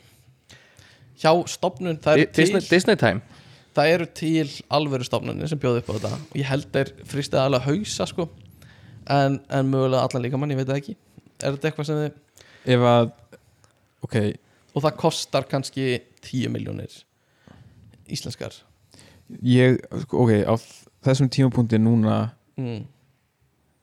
Hef ég það litlu trú á því að það virki Mm að ég myndi frekar vilja nota 10 miljónir í eitthvað annað Mm. eða koma þeim áfram einhvert annað. Mm ef ég væri viss um að það virkaði og ég ætti nægan penning Mm. þá myndi ég skjóta þetta. En þú verður vissum að þetta virkaði og þú ættir ekki það mikið pening? En væri ekki frekar, ekki- formalín? Næ, ég er ekki viss Formalín er ekki að fara að halda þér á lífi Þú veist að Nei. tala um eitthvað sem heldur þér á lífi eða í rauninni, Nei, hann er talað að frista sig þannig að þú veist, þú getur svöld að þýða og koma þér eftir lífs já, já ég er, sko formalín er held ég ekki myndi ekki virka eins Ekki? nei, fristingin, þetta er sko snöggfristing þannig að þetta er ekki þannig að þú frosna fyrst utan á og svo þetta ættir að frosna a- a- á- Frjósa. frjósa á allstaðar á sama tíma skilur og þú ættir að svona allir vöfðar líka mann á sama tíma. Og hérna og, og, og, og ættir að ná að halda þú veist eins og heila eða, þú veist, bóðum og því sem er í gangi og öllum taugafrum og á réttum stað skilur ef þú ert í formalínu grunum með að sé þú veist, það myndi kannski eitthvað geta fokkast upp innst í heilaninu sem er ekki Hvernig í anskotanum virkar þessi quick freeze taktik til þess að koma Ha? Myndast bara einhver kulda skel í kringum Nei, þig þetta og bara eins það og mikið djúpfristi kvöld. kjúklingurinn sem þú kaupir í Já, krónunni. já, hann er þú eldaður gætir og strax hlýttan til lífs. Já, er það að tala um að tæknin væri þannig eða er það að segja mér að þessi fyrirtæki sem segir að það sé svoleiðis? Ég meina svona snöggfristing er til skilur En hún, ég held að, ég held að hún sé alltaf með permanent skada á því sem frís Já, núna, en þau vilja meina í framtíðinu verður við komið með tækni þú veist, ég, sko, ég held að bara vandamáli við, veist, þegar eitthvað frís að það, veist, frumundar springa, sko. Já, vatn, vatnið þennst út Já, það er frumundar bara mm straight up springa, sko. Þetta er ekki eitthvað svona, já, það er bara í dvala og við vekjum þar aftur, það bara, neini, það er ekki til lengur. En Counterpoint, Captain America Já, hann gleymist, Hann gleymist hann gleymist, sko. Nei, en uh, ég meina eh, ég meina bara út frá því sem við vitum En formalínið, þegar við þetta formalín en ég meina Hvað formalín með er bara eitthvað sull. Formalínið er bara, formalínið er bara gél. en ég meina formalín formalínið? það er bara eitthvað sull skilur það er ekkert að hafa áhrif á innsta lag eh, þú veist, innst, innst í hausnum aður skilur ef við erum bara að hugsa um hausinn. Og, og, og, og eitthvað svona. Ég, hei, hei Ertu hverju bara er- svo- hei, hei, hei, stoppa Hey, hei, stoppa, hey, hei, hey, stoppa nei, hey. stoppa, stoppa af hverju hefur maður heyrir maður það meira um að fólk er að láta þú veist, frista sig í staðan fyrir að fólk sé að láta formalína sig? Skilur En af hverju í öllum sci-fi myndum er alltaf fristing Já. en ekki en, formalin en sko, klónar eru kannski gemdir í formalínu í einhver smá Af því að tíma. það er eitthvað gaus að skrifa eitthvað með einhver helvitis bókum, fann eitthvað gaur í ísnum og hann lifnaði við og það var allir glaður og það gekk óksla vel. Ég held að fólk sé bara fast í þess, þessari hugsu, sko. já, allavega. Hefur, Hérna- hefur annar hvor ykkar séð Neon Genesis Evangelion? Besta anime í heim Nei, Nei. má ég taka mækina svo sambandi? Við sko, Það er samt að ein pæling þar sem er pínu skemmtilega Það sem að hérna þess að fólki fer í svona pots mm. og hérna, þetta er náttúrulega voðaleg þetta er alltaf stjórna svo stórum róbota en konceptið er að þeir, þú veist, poti fyllst af vökva Já. og þú átt að gleypa vökvan þú veist, eins og þetta drukna. Þau að, þú veist, að fylla í, fyllast í lungun á þér. Og svo er súrefni í honum sem að, þú veist, og veru hjálpar þér að anda í staðan fyrir að þú setja að anda sjálfur súrefni. Ok, sama konceptum á formalin þú veist hei, ég ætla ekki að stoppa að skrifa góða vísindagrein um þetta uh, ég drakk formalín og mægi minn er í fullkomnu ástandi tíu ég meina, setna ég er bara að taka það sem er mest í deglunni ég hef heyrt meira frá uh, svona fristi meðferðum heldur en formalín meðferðum. Um, Veist, ég sé ekki fyrir mér akkurat, veist, ef þú átt peningin af hverju ekki? Þegar þú ert orðin eitthvað x gamall og nennir já, ekki lengur. Já, það er svolítið það Það er er svolítið bara það svo why not, þú veist, kannski gengur þetta. Ef ekki þá bara einhver tíma verður maður unpluggaður og rafmagnir fer og maður bráðnar og verður einhver gumsi sko. Mm, ég hef stund farið í svona snöggfristingu ákveðum líkamspörtum. Já, fytufristingu nei, Já. uh, vörtufrystingu. já, já, já, og það, svo eru þær bara teknar af. Já. Ertu að segja að þær gætu verið einhverjum lífi en það? Já, nei, ég, ég er að segja að það væri hægt að rækta nýjan björgvin út úr vörtunniðinum einhver staðar og einhver staðar í Asíu eða eitthvað er annar björgvin gangað um Vörtubjörgvin. Vörtubjörgvin. En hérna já, hann hljóma svona. Já uh, en allavega hérna, hvað gerir maður þegar maður er að koma eftir laun og hvernig verða allir heimilin hjá okkur? Er spurning sem mér langar að pæla í. Og eins og Tómi var að tala um aðan verður þetta allt fullt af video games Já, maður, þetta verður bara svo að tölvuleikjum. nema gamalt fólk en ég meina gamalt fólk núna er að horfa á myndir, sjónvarp og oft kannski gamla myndir, veit ekki alveg uh, þú veist, erum við að fara að vera að spila sömu tölvuleiki og við erum að spila núna Ég held að við munum örgulega alltaf sækja eitthvað aftur í tíman mm. í eldra dæmi en er þetta ekki samt líka, þú veist, maður spilar maður fílar ákveðin sjónur af leikjum Mm. og með þróun á leikjum þá komum við litt bara betri leikir í sama sjónura Mm. er maður ekki líka þar? er maður ekki bara að fara að spila bestu leikina En það- innan þessa sjónura? En það er svolítið sama með bíómyndir Þú veist, þú ert ennþá með sömu svona típur af bíómyndum En ég held að eldra fólk sæki frekar á frekar í eldri myndina sem það þekkti þegar það var gömlu vestrana En heldur munurinn en samt á því er samt að það er svolítið stórt líp á milli, þú veist, fyrsta Doom-leiksins og nýjasta Doom-leiksins og gamallar bíómyndar og nýra bíómyndar já, þú veist, fólk er kannski ekki Þú veist, þú ert að horfa tíu pixla í Doom einhvern, einhvern gaur sem er með sko byssuna í gegn, sko, út úr miðjum kassanum á sér. Veist, og þú veist, svoleiðist bara svona, bara svona basic dæmi svo bara grafík og fleira sko. þú veist, þú, þú veist, ok, þegar, að, þegar, þegar við verum gamleir þá voru kannski komið út, þú veist, Call of Duty 48 eða eitthvað, meira, en þú veist 5836 en þú veist, við myndum kannski halda áfram bara að spila Call of Duty 20 eða Call of Duty 12 Já, eða eitthvað. Það er spurning. En, en En náttúrulega líka þú veist þessum með byssuleiki. Það er náttúrulega, þú veist, tæknið það er búin að þróast í þú veist, helst svona eitthvað VR dæmi þar sem þú ert að hlaupa á einhverju bretti Mhm. og ef við erum bara og, og nýraðar okkur elleifli, við erum ekki eitthvað, "Æ, við erum á beltið. Við erum að hlaupa í veist, við viljum bara setja okkur okkur gleru og hverfa þetta verður með uh, chip í haustum aður þannig að það líður eins og sérst að hlaupa en eftir ekki að hlaupa. En, en hérna, þú veist, erum við að fara að líka að sjá ok, nú er ég bara, ég veit ekkert hvernig elli heimil eru. Og þau, eða voða lítið ég veit aðeins, ég veit smá þú veist, þegar amma mín var þar áður hún dó og eitthvað svona, þá, þú veist, mann ég eftir í en svona heilt yfir veit ég voða lítið hver í gangi er uh, er þetta, þú veist uh, eins og eru union eða þú veist, er ég að fara að hitta kannski einhvern sem var með okkur í MR og við erum bara að fara að vera fellar á hvernig degi fara saman í, í textíl eða eitthvað svona þú veist, hvernig er það ekki draumur? Hvernig Væri það ekki drauma situation eða geta verið á sama elli heimili og allir vinnir? já, en er svona Er stemning á það- allir sko, sko Við, bú, Ok. við byggjum bara eigið elli heimili elli heimili eða hjúkunarheimili elli heimili þú veist, ég held að flest ok, ég held, veit ekki hvort það sé raunverulega til mörg þú veist, elli heimili þar sem fólk sem að getur séð um sig sjálf mm, er. Mm. eða svona, ég man Þú veist- að amma mín var hrafnistu og hún hafði bara svona litla íbúð her, svona s- smá stofa og svo Já, herbyggi og, og hún var orðin guð 80 og eitthvað pluss Já. Og, en hún sá um sig meira og minna sjálfa með neyðarnapp hjá sér Já, samt og fór í alls konar svona uh, yðjur og eitthvað já, svona. Já, uh, svona þannig pæling einmitt, skilju ok. erum við að fara að hittast alltaf á, á barnum og fara saman í hérna smíði og eitthvað svona? Örugglega. og það verður bara stemning? Smi- Smíða hjól. Þú veist, ertu að fara, ok, líka það. Erum við að reyna að fara að kynast nýju fólki Eða viljum við bara, að ég lent á gangi með bjögga, uh, fucking nice. Eitthvað svona, skilur veistu líkunar á að þú lendir á sama stað og einhver sem þú þekkir? Já, En hvenar er það að fara að vera by the way? Hvenar erum við að fara að koma þann stað að þú eitthvað svona, já, ég er að fara að elli heimili, heyrðu Sjónni vinnu minn er líka að fara að elli heimili Við ætlum bara að borga meiri pening þannig við erum bara hlið við hlið veit það ekki. Þú veist að því núna er þetta algjörlega random held ég. En líka Það er bara hvar er laust og hvar, hvar er pláss fyrir Já, sko. hvar, eins og hver er kostnaður við að setja fólk að ákveða að fara á elli heimili skilur, hver er kostnaður við að er, eru, er, veist, er elli lífeyri minn að dekka það? Eða þú veist, þar ég alltaf styrk frá fjölskyldunum minni til þess að gera það, bönnunum mínum. Eru þau að fara að borga fyrir það? Já. Já, það er þannig. Er það alveg svoleiðis? ég veit það ekki Svara þessu þú veist, ef með elli lífur upp á þú veist hvað er kannski 300 kall á mánuði það hlýtur að fokkin dekka að stúdíó 5x5 stúdíó herbergi og Já, með, með þjónustæðu þátt á hann að halda right? Ég veit ekki, kannski það er helviti, hál, það er helviti brött lega fyrir lítið rými sko. Og ekki. frelsi.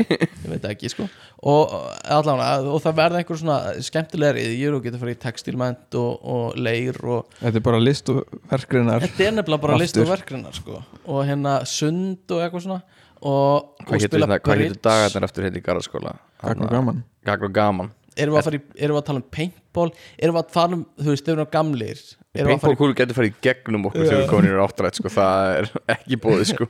Bara lasertak og keila. Já, að bara bí Gullir ringurinn fara hérna taka, taka hérna, eilsöllin að fara að skauta og fara í bíó og bí og keila ústýragarðinn og já, já, svo Guttorm 58 og Costco. Costco Bauhaus og Mm. en ok, elsta fólk í heimi núna hvað er það að vera gammal þú veist, 100 og, 112 eða og já, 14, 16 held ég já, og maður heyrir oft Gauri Kólubi uh, þú veist, maður heyrir ofta eitthvað svona uh, talað um fólk sem heldur í fram að þessi 150 ára. Já, en svo er það erfitt að sannreina það eitthvað neginn ég, ég, Þú ég bara- flett upp á einhver svoleiðis dæmi. Það var einhver gaur frá Tyrklandi. Núna er oldest living er 112 ára sem er minn en ég held sko. Já, það er ekki komin, það er alltaf var. Ég, ég er með, með, með fína lista af af gömlu fólki og hvað hefur gert þegar það var gamalt. Já, Við getum tekið það núna eða setna eða? Já, sko það er einhverjir, já, 116 119 er, sé ég einhver. Þú veist, þetta er ekki það gamalt sko. Og hérna uh, já, förum endilega í það sem þú ert með sko.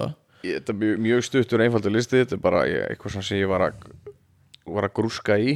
Ég hafði pásu í vinnunni. Já, Sko, alltaf elsta, elsta mannski sem hefur verið uppi já, var hérna uh, franska konan Sean Calment. Já. Sure. Sean, uh, Sean Jeanne. Já, Sean, já. I don't know. Sean Calment. Uh, Hún var 122 122 Já. og hún sko keðjureikti mm -hmm. drakk rauðvin allavega alla daga allavega glas. Andóksunrefnin já, bæra bím, bæra búm.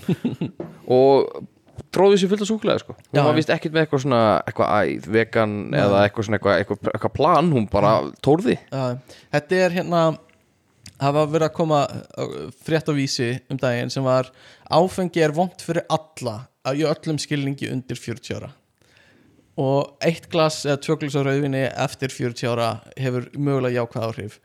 En það, það er svona gott fyrir djammarinn að heyra þetta að bara er ekkert gott við að drekka áfengi eða undir 40 ára Mér, I, I don't agree with you sir. Mér líður bara ágætlega því ég drekka áfengi if it make me happy I'm En líður fine. vel eftir að drekka á það skiptir einhverjum uh, sko uh, líknar dráp. Þetta er hot topic. Uh, þetta er svona fyrir fólk uh, býst ég við sem er á, á nippinu. Þetta er líka svona uh, orð sem tengist svolítið svona eldra fólki er og mér finnst svolítið skemmtilegt orð er það að tóra? Það er svona þú veist að þú spyrir hvernig, hvað segirðu, hvernig hefur það? Já ég tóri. Þetta er alveg svona þetta, er mest bara svona the grind continues. Já, og hérna en svo ef þú ert orðin ákveðið gamall og, og flestir, ef ekki allir sem ég tala við sem hafa unni í kringum mjög ald, ald, aldra fólk er hlind líknardrápi sem segir manni alveg mögulega hvað hérna, hvað er svona mega sense í þessu. Uh, en hérna þú veist, þetta er fólk kannski sem uh, er rest upp að kannski uh, 84 ára eða eitthvað. Og svo taka við tvö ár þar sem það er ekki í góðu standi, bara á erfitt með andadrátt bara hvern einasta bara komið í svona niðurtúr. Já, og bara er ekkert með á nótunum með, með þú veist, alls sem er eða eitthvað skilur og, og hvað þá kannski síðasta mánu eða eitthvað svo leis, að bara fá aðstof við að ljúka lífinu, það er, það vita allir og við vitum það er ekki að fara að jafna sig. Þannig sé á næstum, á næsta mánuðinum og þetta er að vera búið bara handum veist, En það er líka svo vond samt sko, eins, og, eins og þarna sko, þú veist manneski með Alzheimer's mm, og þú, þú veist maður er svona ok, þú veist, ætla henni langi kannski bara að, að framkvæma líknadráp og maður getur ekki verið viss um það Nei. af því maður veit ekki hvort að manneski sé on þegar hún er að tala við þig eða ekki Ég held að líknar dráp séu þú veist séu þannig að þú veist manneskjan sem að uh, þú veist gerir það, þú veist hún þarf að vera f- f- fullvit Já. með hún þarf að vera, já, hún þarf að vera hvað svo, hún er að það, gera. þú þurftir örgulega að hafa bara sálfræðinga til þess að taka bara viðtöl. En þú veist líknar dráp og þessi líknandi meðferð það er síðan annað. Þú veist það er meira svona þá þú veist þá er bara allt í því verkelifjum og Mm. þú veist úr tekin af mm livjunum sem eru að halda á lífi. Já, uh, ef ég skilða rétt. En þú veist, Þú þá, hefur rétt þá ertu sann sko, þú veist, það er máli sko þá ertu komið svo langt. Þú er kannski búin að vera bara í já, já, þú þarf að vera mjög veikur til í þess að vera bara ógislega veikur og svo dæmi, þú veist, er það ekki einfald að þú kannski bara vera bara veikur í einhvern mánuð eða tvo og það bara, já, þú veist, lifurinn hennar er ekki að fara að endast meir en sex mánuði. Þá, þá fyrir mér, ef manneskjan vill það af hverju ekki þá bara leifinni að, að deyja? Já, sko en líka sko, þú hefur rétt á að neyta meðferð læknisfræði meðferð já, já, en það, það er sinn réttur en það, þá en ertu líka kúpla út sko, þá gæti þýtt mánuður þar sem þú ert að þjást þanga til that's the að point, þú þú bara kúpla þá út úr því að það þykja hjálp aðstóð algjörlega. Þá ertu líka að segja neymi verkefliðum og, og þú veist, svona þessari helstu þjónustu sko, það er vandamál þú getur mögulega þegið verkjalið en neitað meðferðinni. En þetta er þetta er erfitt af því þú veist maður vill ekki myrða einhvern. Og þess vegna er erfitt að taka fyrir hendina á einhverjum áðans að fá skýrt samþykki. Það er líka alveg, það má færa rauk fyrir því að fólk með uh, þú veist, hrörnunarsjúkdómi eins og Alzheimer sem, sem herja á heilan uh, þegar langt komið þá er þetta ekki sama manneskja lengur, þá er þetta valla maður ma myndi kannski ekki segja að þetta er ekki manneskja en þetta er, þú veist þetta er ákveðin skil, skilur Já, og hérna ma- maður spyr sig, þú veist, hvað myndi það vilja eða væri fullt heilsu, skilur myndi það segja ef ég er komin að þannig stað þá, þess er líka oft sem fólk náttúrulega bara býtir svona erðaskrar setur inn bara þú veist bara einhverjar upplýsingar eða skip, skipanir bara, já, bara ef, ég, ef ég er allt í einu orðin hérna gjörsanlega fókt og veit ég hvað ég er lengur þá má bara tak, taka mjög sambandi sko. Bara eins og Schumacher, skilur Það er til dæmis, það er fínt tilfelli hann eins og fréttinar eins og maður færa þær verðast vera bara hann er Hann er algjör bara, hann, er, hann mun aldrei muna eða vita neitt sko eða, eða gera neitt, ég held að sé rúmlíkjandi og verður það þannig hvernig hann deyr sko. Þannig að þetta er, þetta er erfitt sko. Og hérna uh, já, uh, ég veit ekki hvað maður á að segja sko, að því þú veist, maður sér jákvæða punktin í þessu. Þetta er bara að hjálpa fólki að, að upplifa ekki þjáningar. Og svo sé maður líka þú vilt náttúrulega ekki, þú veist drepa einhvern og enda líf, skilur Nei, en þú veist þess vegna er þetta alltaf að aðstóða já, uh, þarf Þú samþykki. já, þú veist, þú ert að, þú veist, að aðstóða einhvern þú ert ekki að taka ákvörðun Mhm. fyrir hönd einhvers annar Mér líður þess að sé bara svo lengi sem þetta sé vel gert og rétt gert þú veist, þessi, þú veist, það er bara, það er bara sálfræðingur sem vinnur við það að taka við, við, viðtöl við fólk og, og meta hvort það sé hæft að það sé ákvörðin sé tekin og allt þetta. Þú veist, þá sé ég ekki fyrirstöðu fyrir sig sko. Nei, það þarf bara, veist, það þarf bara að vera Líka, engin vafi ykkur- því að það er svo auðvelt að misnota þetta. Eða væri auðvelt. Nú ætlum ég að vera, ég, þetta er asnalegt teik en líka ímyndið ykkur sko peningin orkuna, rafmagn, afurðir alltæmið sem fer í að halda þessu fólki á lífi í sex mánuði viðbót sem, þú veist, bókstaflega eiginlega bara, veist, það er valla með meðvitund og verkeflum og fleira. En það er verið, þú veist, það er með pláss á sjúkrahúsinu það er að, að fá fullt af lifjum, verkeflifjum og mögulega einhverjum dýrum tilrunarlifjum til þess að prófa og sjá hvort það gæti hjálpað Já, sem er, þú veist, 1% líkur á og fleira. Veist, Nei, þetta er alveg rétt og maður, það vill enginn heyra þetta að veist, að við séum að meta sko uh, aðföng og, og eitthvað svona en, ja, en þegar skortur á fullt af þessu þá er, þú það, veist, er- þú veist, þetta er erfitt, það er spurning sko. Það er bara leiðilegur núna. Þú veist, Þú veist, peningar skipta líka máli til að hjálpa öðrum sem þurfa líka aðstæð en já, þetta er, það er margt í þessu. Og hérna en, en svo spyrir maður sig, hvernig trítum við líka bara gamalt fólk yfir höfuð? Eru yngri hérna meira metnir í samfélaginu heldur en eldri? Uh, já, ok. Debate please. Af hverju uh, mér finnst bara til dæmis að vinnumarkaði. eins og vel, já. Þú veist uh, eða, þú veist, ok, það er alltaf að tala um að eldra fólk eigi bara það sé ómögulegt. Veist, að reynsla eldra fólk sé metin Mm. minna heldur en bara ungleiki yngra fólks. Mm uh, þannig að það er eitt punktur. -hmm, það er það sko og, Anna, annar mótpunktur væri bókstaflega bara virðing. Fólk ber miklu meiri virðingu fyrir eldra fólki heldur en yngra fólki. Eiginlega bara en mér, mér finnst það skilur Mm. bara, bara standard, bara svona koncept bara þú er veist það, ertu samt ekki smá svona, æ, þetta er bara afi að segja eitthvað bull bara ég er ekki að tala um svoleiðis, ég meira bara þú veist bara svona æ, þú veist, ég, sk- þú veist, kannski þegar þú ert komið með reyndan mann innan fyrirtækisins og er, þú veist, hann hefur mikla reynslu og hann veit hvað hann er að tala um og það er eins gott að hlusta á hann, eitthvað svona já bara svona þú veist, er líka bara þú veist Æ, þú veist, þess að segjum að setja þjóna á veitingastað og þú bara með, þú veist, ég er ekki að segja sem með, þú veist, einhvern, einhvern nýraðan hérna, einstakling inn á staðinu sem getur alla, veit, getur alla að lesa á seðilinn, þú kannski bara með, þú veist 60 einstakling, eða sjö- sjö- þú 65 berð meiri virðingu fyrir honum heldur en einhver, einhverju 20 ára eða 19 ára úling sem er með bara læt og vesen. Já, Já, ef hann er með læt og vesen en ef, ef að 60 ára er með læt og eldra, eldra vesen fólki já, þú veist, eldra fólki, þú veist, þú samt toleransið meira mm, og virðingin er meiri mm, og, og þú veist, ég er svona, þú veist það er punktur sem ég er svolítið að koma inn sko, veist, það er bara, þú veist Já. þú veist, þú veist, á, á grunnleveli ef, ef, maður er í þjónustarfi og, þú kemur að, sikkur manneskja, bara úlingur og, og hérna, bara svona eldri manneskja mm, þú ber miklu meiri virðingu fyrir, þú veist, þú kemur allt annað approach, allt annað talmáti og þú veist, bara svona já, hjálpsemi og, og allt saman, sko já, já, Já. ok, þetta er sjónarmið Respect your elders guys Ég hef ekki, þú veist, aldrei verið í svona þjónustustarfi Já, að Slefti, ekki, ekki Ég komast ekki, ekki. ekki lendi. Nei, við, við, nei, hérna, við Björk gerum við höfum aldrei þurft að við þjónustarfi það er, það er alveg svona eitthvað sem maður heyrir miklir að þarf að gera sko. Já, hvað sagður? Ha?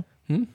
Nei, Afsakið? það er eitthvað svona sem að þarf heyrir maður, svona, þú þarfst að prófa þetta allavega á æfinni við höfum ekki þurft að, eða kannski einn dag í einhver svona aflýsingum fyrir einhver Já, bara sko, ef þið hefði ekki látið, látið almennilega frýsta á ykkar þjónustulund og þólimaði, það er það er fínt að vita hvar maður stendur sko, hvar þráðurinn er orðið þunnur sko. ég er svo hrættur um að sko ef ég væri í þessu að hérna veist, ég ætti erfitt með að taka eitthvað svona að vera að drulla yfir mig og brosa sko. Mm. ég, ég er rosa vissum að þú veist, ég er ekki dónalegur en ég myndi svona, hnik, svona setja í brýrnar og svona horfa svona, svona reyður og vonsvikin á manneskinu sem er að tala við mig eitthvað svona og bara gefa henni svona svona störn augnaráð og í, sta í staði fyrir að taka sér bara já, ekkert mál, ég skal redda þessu fyrir ég væri svona mm, einmitt, ok En þú veist, ma maður ímyndið sér ímislegt en þegar Já. komin í þessa stöðu þá ofta er maður voða hömbúl og tekur á sig rosa mikið skít sko. algjörlega, sko. en ég var alveg lett í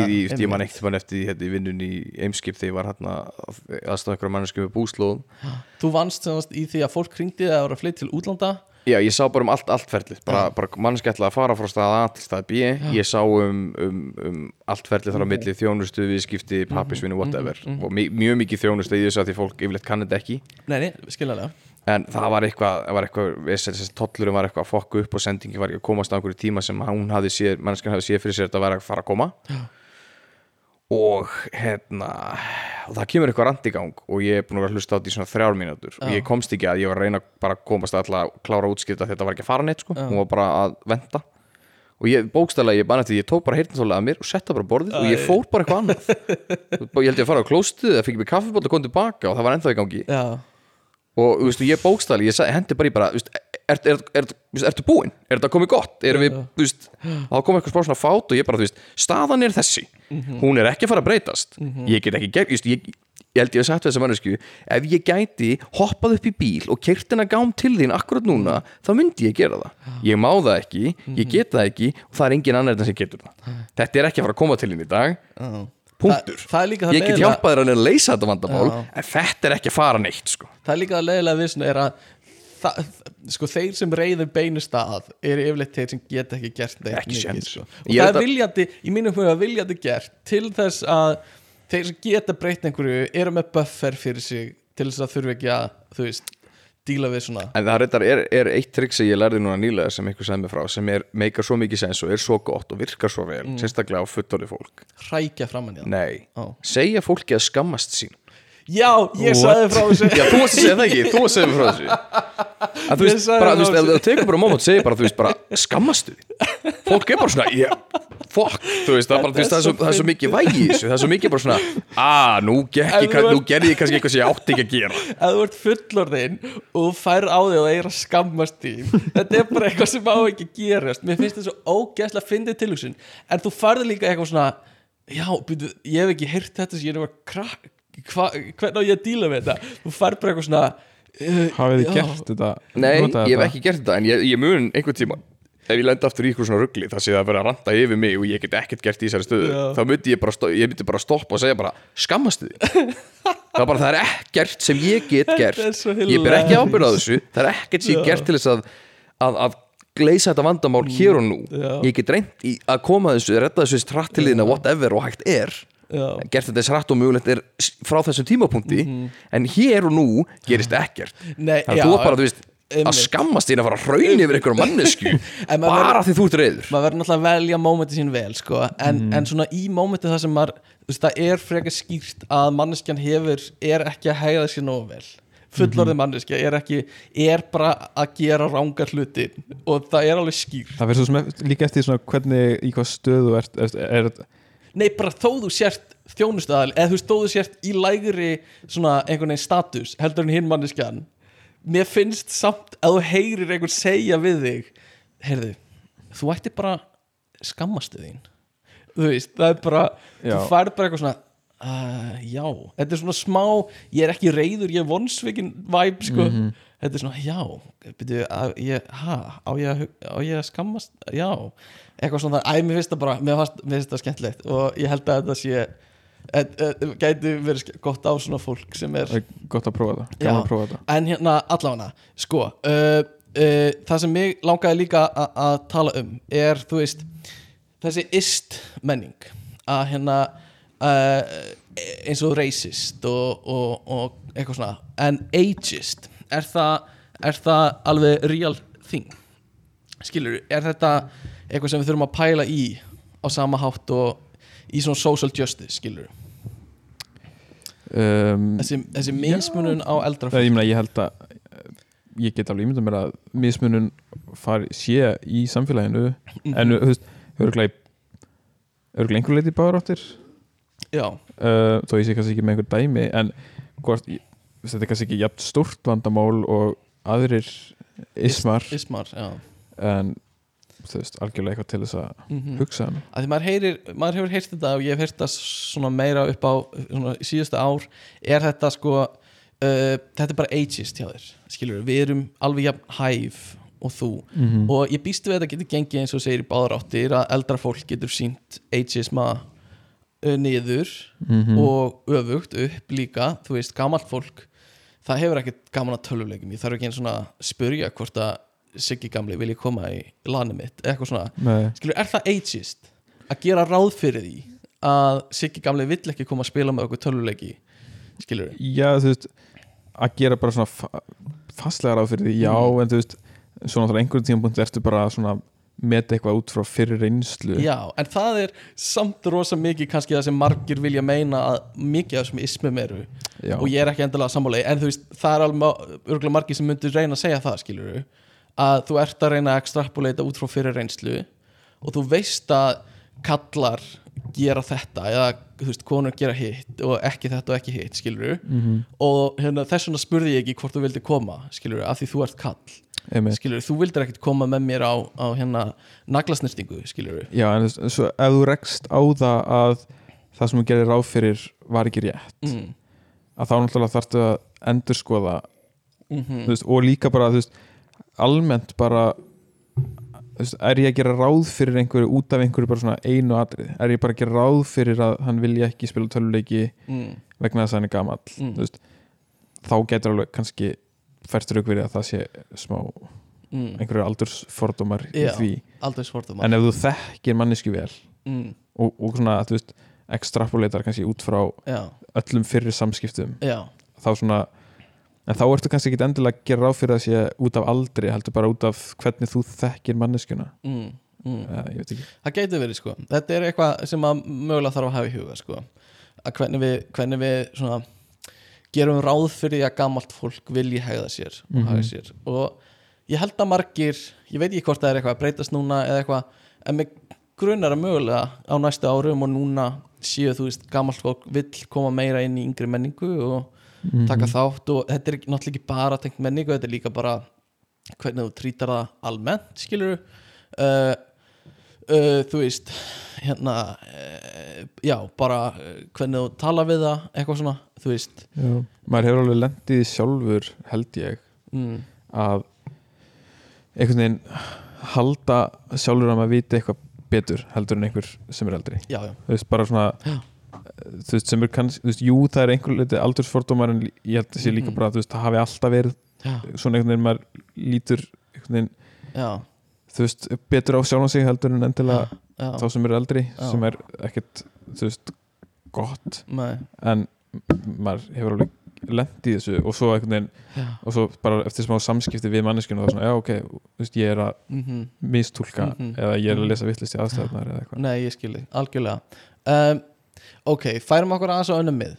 Um, Við tölu, ég talaði um við, við gumma í síðasta þar síðasta hætti um hvernig er það, þú veist, væri skrítið að við værum vinir einhver sem væri 18 ára og okkar aldrei 27 ára þú veist. Bara bara vinir vinir. Já, bara, þú veist, hann kemur yfir og chillar og þeir eru alltaf að fara saman í sund og eitthvað svona, bara eins og ég og Bjöggi gerum skilur, ég og Bjöggi þú veist, förum í sund kannski einu sinni viku og hérna en og hittumst og horfum á en- mynd en og eitthvað svona. Ef þú væri vinnur einhver sem væri þú veist 35 eða 40 já, já, já, já, já. að Ég, veist, ég veist við, við töluðum um það. Þannig að mér langar að fara með þetta þú veist, er skrítið að vera vinur einhver sem við 27 ára strákar strákar, kallmenn, menn eru vinur einhver sem er 70 ára og bara svona, bara svona vinur sem er bara uh, þú veist, trúnaðavinur confident, þú veist, chilla með honum. Uh, skrítið, nei, óvinnulegt já, já, já. En að deyta einhvern sem er 70 ára. Já, það er guldspjöld uh, það er ég, þú veist, þú, ég, ég, þú ég, kemur, ég myndi segja að mér finnst það skrítið. Já, þú kemur til Tomma núna a, a, og hérna Tommi segir já, heyrðu, ég hitti nú þessa svaka stelpa á djáminu maður. Og þú segir já, en það sem, hvað heitir hún? Vilhelmína. Frjánsdóttir. Já, já, Vilhelmína, eitthvað, já og þú, já, ok, geggja hérna, ertu með myndaðinni? og þú eitthvað, já, hérna, býtu ég, hérna og, og flettir upp á mynd og það er svona svartkvít mynd það sem er eitthvað svona svaka stelpa er hérna, eh, eitthvað svona svaka eitthvað í hérna. Sjáðu þessa. Örgulega mynd sem hefur verið í svona 40 vössum já, Já, Og hún er, í svona, hún er í svona old school sundból já, og þú eitthvað, á, þetta er svaka filter sem er á henni. Já, filter, segir, nei, nei, nei, þetta var bara tekið svona. Og þú já, er það, ertu hérna, já, við vorum, við vorum í hérna bíó um helgina, við tókum mynd, myndið okkur saman og svo opnarum myndina og þá er það bara þú veist, 74 ára kona og Tommi er bara mjög into it, skilur uh, skrítið. Ok, þú veist, óvinnulegt uh, definitely, mér finnst það svona ok, þetta er svona, þú veist, ok, hver er munurinn á eitthvað sem óvinnulegt og skrítið, þú veist? Uh, en er þetta er, er, er þetta að er hægt að gera að, að þú veist, er þetta eitthvað aðtugavert við þetta um, þú veist, er þetta eitthvað svona Tommy hérna, þetta er ekki eitthvað sem ættir að gera eða er þetta bara, hei, góð þú skilur, Nei, ég, er nice. finnst, mér finnst það alveg að, þú veist, óháð því hvort ég sé á hlutur sögun eða ekki Mhm. ef vinnum mér, var í þessar aðstöðu ég væri bara, þú veist, hvert sér þú þetta samband vera að fara? já, þú veist, það Ert þú að fara að verða ánaður með að vera með henni í sex ár og svo deyr hún eða sex ár og svo hættir hún að, geta gengið og gert hluti eða þú veist, bara ég veit bara, þetta væri meira bara, veist, fyrir, veist, bara hagur einstaklingsins bara, þú veist, finn, finn, þú veist, ef þú ert ánaður þá er voða erfitt. og, og Tommy segir bara, við erum bara að hafa gaman sko, þetta er bara svona þú veist, við, við erum ekkert að pæla lengra. Bara, þú veist sofum saman og við hérna, hittum stundum og mér finnst það Við alveg bingo í vinnabæ þegar að já, þú Það veist, opnar já, aftur hún, hún er að segja mig frá hérna hún er að segja mig frá uppáhalds uh, uh, hetjunum sínum úr fyrir heimstyrjöldinu sem hún hitt einu sinni og eitthvað svona skilur þú veist mm, Rauði baróninn og þá ertu að fara að tala um sko 90 ára fólk. Nei, ég meina hún getur 100 ára hitt, hitt einhverja hetju árið 70 eitthvað, skilur já, ok, ok. Eh, sorry, já, ég skil hvað mennar en, Ef, þú veist, ef, ef það væri svarið þá væri ég bara, þú veist, eh, þá væri ég svolítið bara you to you sko. Já, veist, en þú veist, ef þetta væri, ef þetta náttúrulega væri gert eitthvað svona passionate dæmi sem væri eitthvað svona, þú veist, þetta er framtíðin þá væri ég eitthvað svona, em, býtum við ef ekki aðeins að taka smá starffræði hérna? Það veist, ég, þú veist, mér finnst það alveg eðlilegt að þú veist, ef ég þú veist, væri, þú veist, eða, þú veist, sem vinu þinn að eiga þetta samtal við þig. Þú veist, mér Mhm. finnst það alveg eðlilegt. En segja eitthvað svona þú, veist, þú átt ekki að gera svona eða skam, skammasturinn Skammastu því farði í skammarkrókin en þú veist, myndur uh, hvað ég var að segja, reyna að, að svona, uh, þú veist með bara hvernig þú talar um hann og eitthvað svona reyna að láta þau hætta saman? Skilur svona, svona subconsciously skilur, eða værir bara all in? Skilur, værir alltaf svona æ, e, ég, ég líti ekki á það sem mitt hlutverk Nei. að stjórna s- Nei. samböndum annara og, nei, og þú veist, fyrir mér verður bara að lifa sín lífi já, já. Táningafræðarinn Þú veist, Já. ne- nema, nema að það sé eitthvað svona þú veist, þú veist ok, ef, ef þetta veri kannski badni mitt Mm, já, og, og já. þá, þú veist, þá kannski finnst mér eðlilegra að vera eitthvað svona þú veist, vera aðeins meira svona pressing bara svona, þú veist, ertu að gera rétta hlutin í það Þú ert með leifi, leifi sem fóröldur til þess að vera en svo þeim samþykir stað, þetta á einhverjum tímpúndi sem, sem fóreldri, eða hvað já, ég meina, þú veist mér finnst, eins og ég segi, mér finnst í lægi að vera með svona smá pressu, bara, Mm. þú veist, ertu raunverulega að hugsa þetta út í, út í gegn? Já, en, en á endanum sérstaklega, þú veist, ef við erum að tala um að barnið mitt sé kannski 27 ára þá Mhm. Já. verður já, sá einstaklingur bara að fá að ráða nei, nei. sínu lífi. Einmitt, einmitt. Algjörlega. Og hérna þú veist, uh, já, það, það er það. Þetta er, og, og niðurstaðan einhvern veginn í öllum þessum samræðum sem við höfum átt um, um hérna aldursmun og eitthvað, það er bara ef þú vilt að, skilur þá er enginn að fara að stoppa þig, skilur þó að það sé þó að það sé 20 já, að sjálfsögðu, Tómas hættu nú, en ég meina þú veist, þá er, þá er bara you svolítið, sko. Um, en það gæti alveg verið uh, ok, ef að Tómas myndi gera þetta mm, þá augljóslega þú veist, því að það væri í svo mikill anstöðu við allt sem við þekkjum já, já við Tómas ef ég ætti vin sem að þú veist, hefði sínt einhverju svona tilneyingu áður Mm. eða þú veist, einhver svona bara ógæslega mikið áhuga á gömlu bara, fólki eða gamalli menningu eða þú veist, já, ár, árblað hrafnistu kemur út og hann er bara shit, sástu skvísuna á maður? Já, þú veist, þá, þá væri þetta svona skuttla á blaðinu þá, þá væri ég svona, ok, þú veist, þetta Getur, þessari- ímyndað hvernig þessi leit út í ástandinu sástu klossana sem hún var í maður. Og víðu en Hún er, hún með væri, sportgöngu grind maður þér væri alveg sama hvernig hann leiti út í ástandinu því að þú ert ekki hrifin af henni þá nei, það er þú ert hrifin af henni núna En svo kannski líka konceptið um að sé hrifin að því hvernig mannskja var. Maður veit það ekki. Ekki- ok, Það er eitthvað sem ég hef ekki kannað, það sko. það er Það eitthvað sem ég hef ekki kannað, það sko. er eitthvað ágæta punktur sko. að- alltaf, get- alltaf svona, þegar þú horfir á manneskuna þá þarfst alltaf að hugsa hvernig var þessi manneski Nei, þú mátt ekki sjá myndir því það er bara En þú veist, ég sé alveg fyrir mig, það eru einhverju gaurar sem er að deyta eldri, eldri manneskjur og geta, þú veist, verið bara svona Ég held að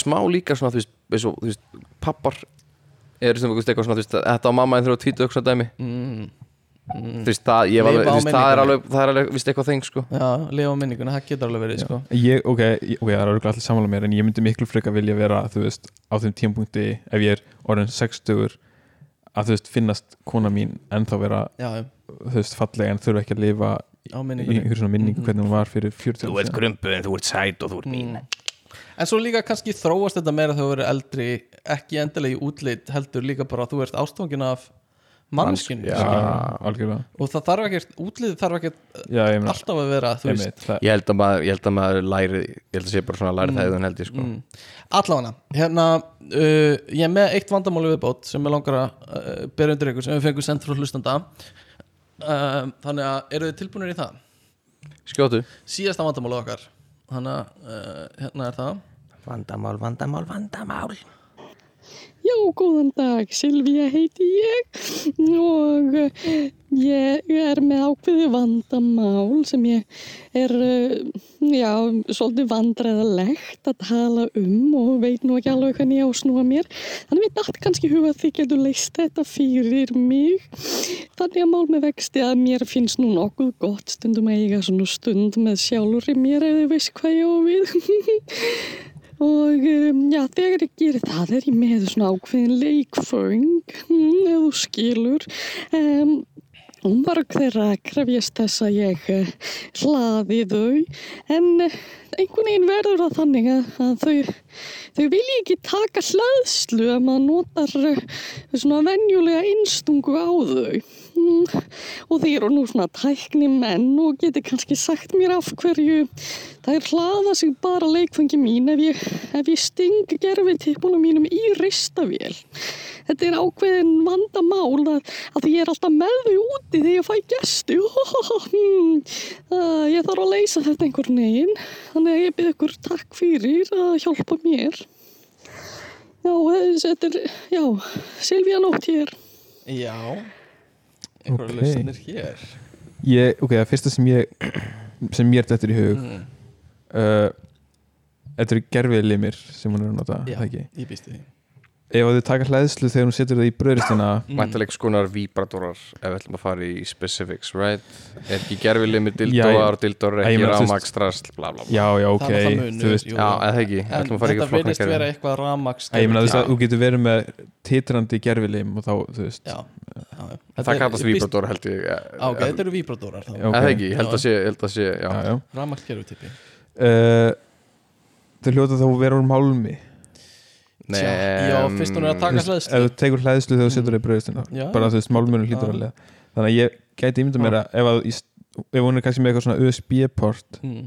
að í staðan fyrir að stinga því inn í USB-portið að setja bara bara teipa USB, mini-USB Já, bara já, við, já. beint við gerðutipi Já, við málminn á gerfi tippinu Ok, það gæti já, þetta er sjónum með Ég ætla, ég ætla að hendi nöðru dóti. Ég veit að uh, sko, vandamáli við náttúrulega mikið af þessu græðum er það að það er verið að nota þetta í röku umhverfi og hlæðslutæki og drasl. Mm, höndla það ekkert sérstaklega vel. Mm, ég veit að það er til, til samskonar búnaði sem nota einfallega bara einnota batteri já, já.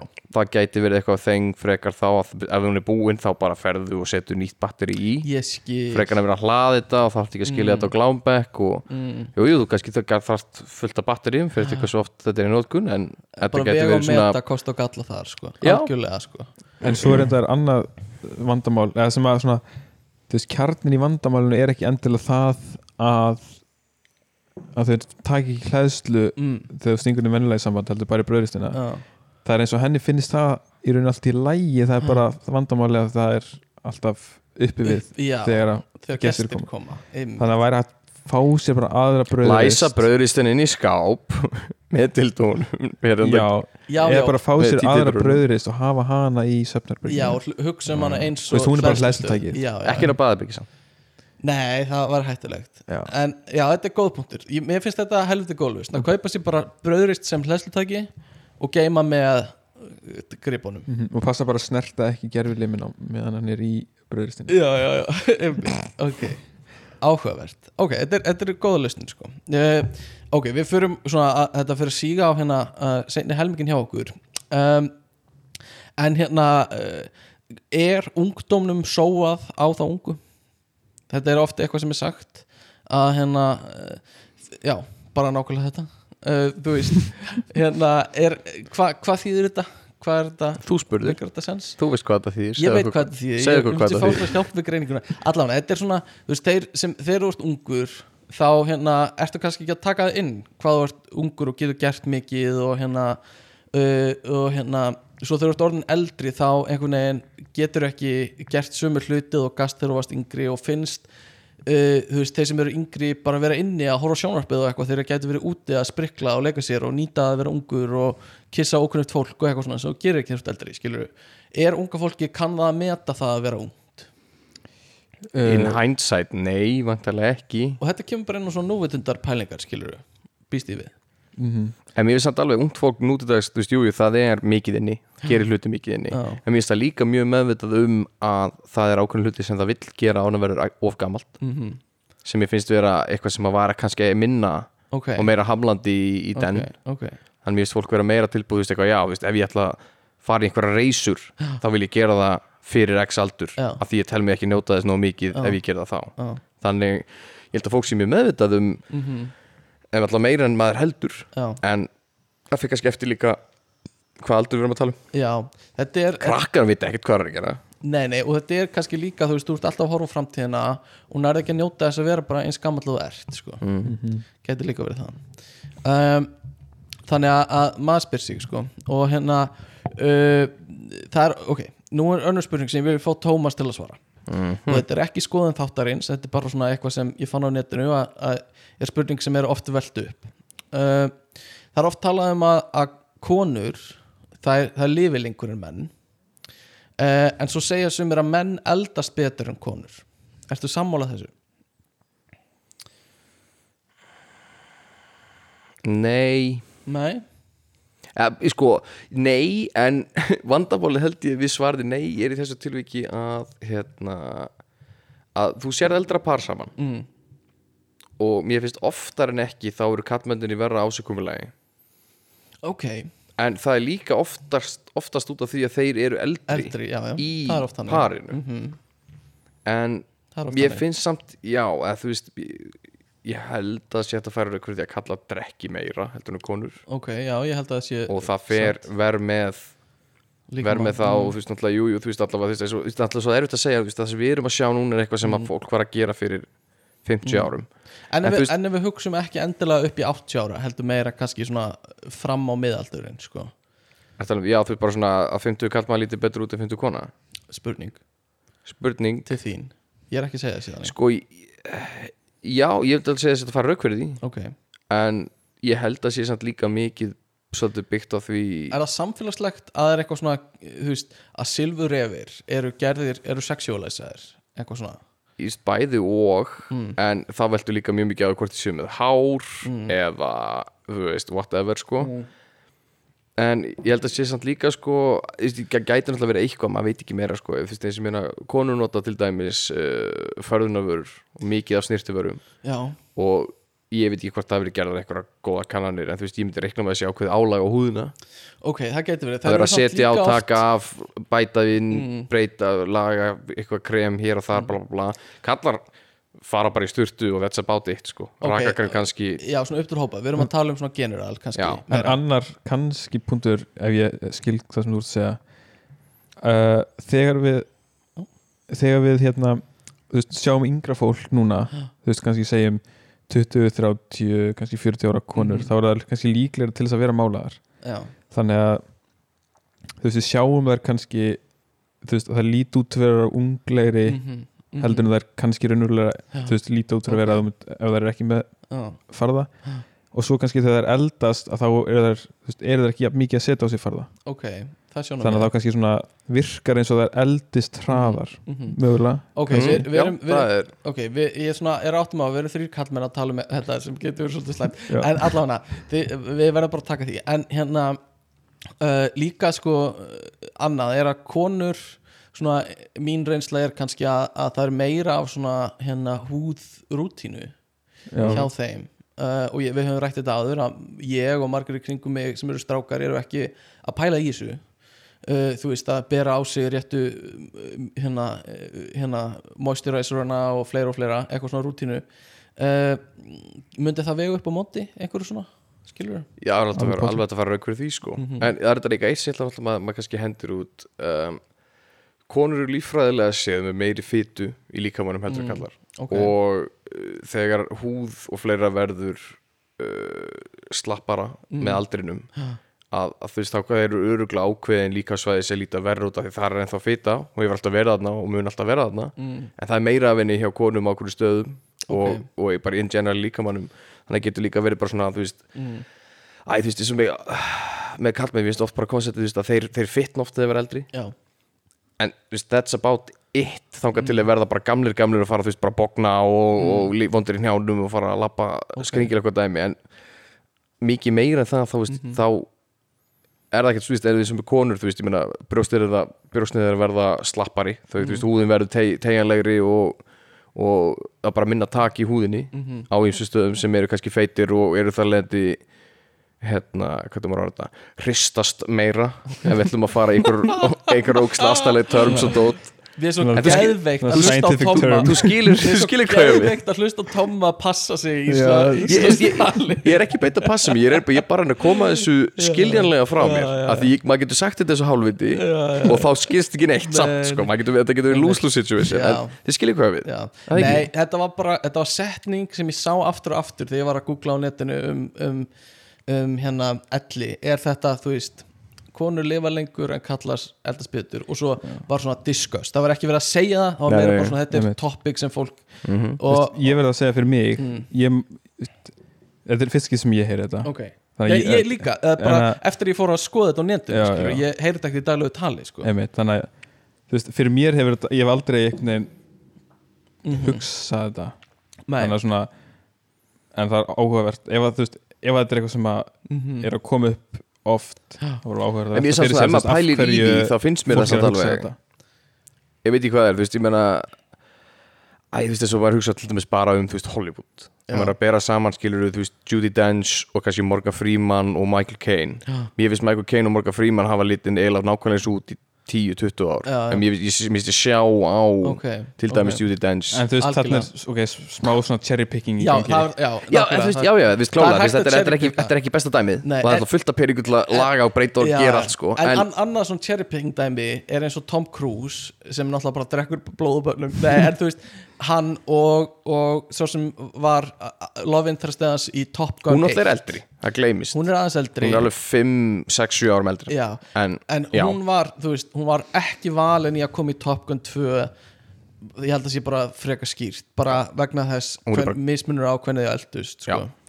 Það er bara svo leiðis en það er náttúrulega algjörlega cherry packing líka. Og það er hægt að finna dæmi sem eru akkurat öfugt skilur Mhm. kallar sem voru kannski hot shots eins og Johnny Depp lítur ekki vel út í dag. Nei. en mikið af stjörnum sem leka á mótunum einhverja konur líta bara mjög vel út í en, dag. Þú veist það- líka, ok En það kemur annað- líkin, já, ég, ég, ég setja skjótin. Akkurat þetta með bíómyndir. Og rosalega oft það sem kallarnir eru Töluvert eldri, en konurnar. algjörlega Og veist, þeir eru bara gerðir yngri Með því að setja slapp einhverjum aldraða sko. en þú veist, líka, við erum að tala um Hollywood Já. sem er náttúrulega ekki raunveruleikin bæði út af þú veist, náttúrulega þú veist, alls konar aðgerðum sem fólk fyrir í Mm. eða sem að kannski Hollywood leikar eru líklega til að fara í og drekka blóð skilur já, það aðalega Sprauta í sig toxoplasma eða, veist, og hérna uh, þú veist, bara alls, þú veist, ég get ímyndað mér að Hollywood lífstíl getur verið bara horror, þú veist, Mhm. drikja dóp já, sem fokk, getur röglega fokkað í já, En það muna líka svo rosalega oft Fyrst mér fyrir kallmenn Að bara þeir halda sér við Í formi, mm. ef, ef þeir æfa sér eitthvað Hvort sem þeir fara að ganga eða hlaupa Eða hjóla eða eitthvað Já. Það muna svo rosalega. Og það er, ef þú ert að eldast og þetta er fyrir öll kyn að þú veist hérna, uh, til þess að fyrirbyggja. Þú getur fyrirbyggt það að eldast. Veist, það er eins og það er oft mælt með liftingum og ég er ekki að tala um einhverja keppnis powerlifting, heldur bara resistance training sem er bara ekki, meira en líkamsting, skilur við og það er bara stundar það, sérstaklega oft eftir ert orðin 30 ára eða eitthvað svo leiðis og getur bæði haldið við testosterónu líkamleginu sem skiptir máli og líka bara haldið frá beinþynningu, þú getur haldið Vöðvastur. vöðvunuðinum góðum og eitthvað svona og þú byrja snemma, þú getur, þú getur haldið þér gangandi á löppunum þínum lengi, skilur við og við erum ekki að tala um eitthvað svona ofþjálfun og eitthvað svona, þetta er bara svona aðeins meira þú veist, ég held að bara þú veist, þrísværi viku bara svona eins og segir resistance training Já. þú veist, sé miklu betra heldur en þrísværi viku Já. hlaupa 10 km Já, og halda þér líka aktífum, fara í göngutúra eins og amma mín fyrir göngutúra á hverjum degi, hún er orðin mjög, þú veist, freka gömul en hún er bara mjög aktíf af því hún hefur alltaf farið í göngutúra, alltaf hreift sig. Hún, hún liggur ekki fyrir, eða þú veist, hún situr ekki. Og þetta er bara eitthvað sem hún er að bygg þú veist, hún er að, hún er einhvern veginn að vinna fyrir meiri árum hress, skilur við en það var hún Íslandsmestari í kraftliftingum. Já, veist, hún, hún setti heims hún lifti þúsund kíló. Nei, en hérna Pappinar hétt Atlas og hann hélt upp í heiminum. Já, en hérna, þetta er bara mikilvægt að pæli þessu líka sko. Um, Sko, hérna Já, við förum að, að klára þetta.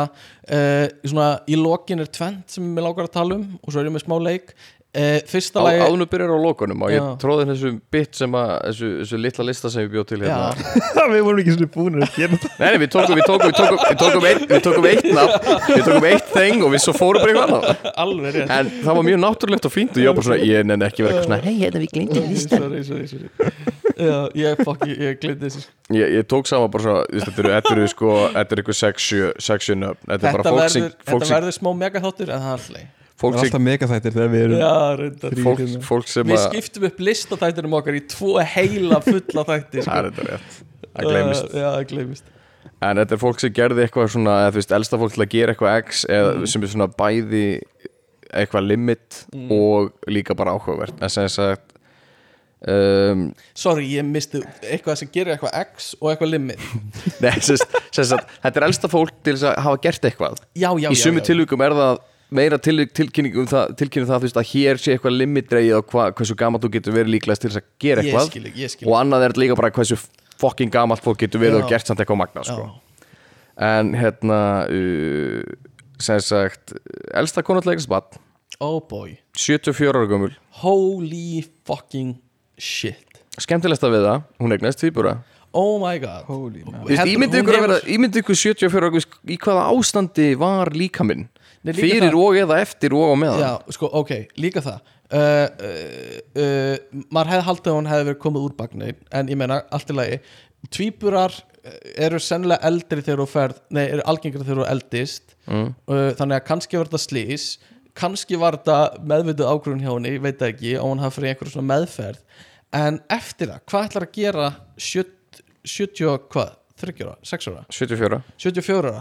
Þú, veist, þú, þú hefur nokkur ár góð með barninu þú- ert heppin mm, ef þau eru orðin svona 15 ára og þú ert ennþá healthy og með nýræð. Ja, þú hlýtur að gefa ef þú átt fyrir leifa Já. þeim að hjálpa þeir sko. Þetta var hún Erra Matti Manga Yama Manga? Manga Yama Svo er hérna uh, hann uh, japanski Yuichiro Miura. Já. Hann var áttræðu þegar hann kleif Everest Áttræður Elsti maður til að klífa Everest Elsti Shit. manneskja til að klífa Everest Það er vel gert Það er, það er helvíti vel gert sko Aggressíft sko Vist, ég, ég, ég væri bara gladur að geta komist átjánhólur mm. golfi og haft gaman að því átjára sko. ekki að klífa Everest sko. En þetta er maður sem hefur stundar resistance training En sýnir ekki bara hvað það er auðvelt að klífa Everest Já.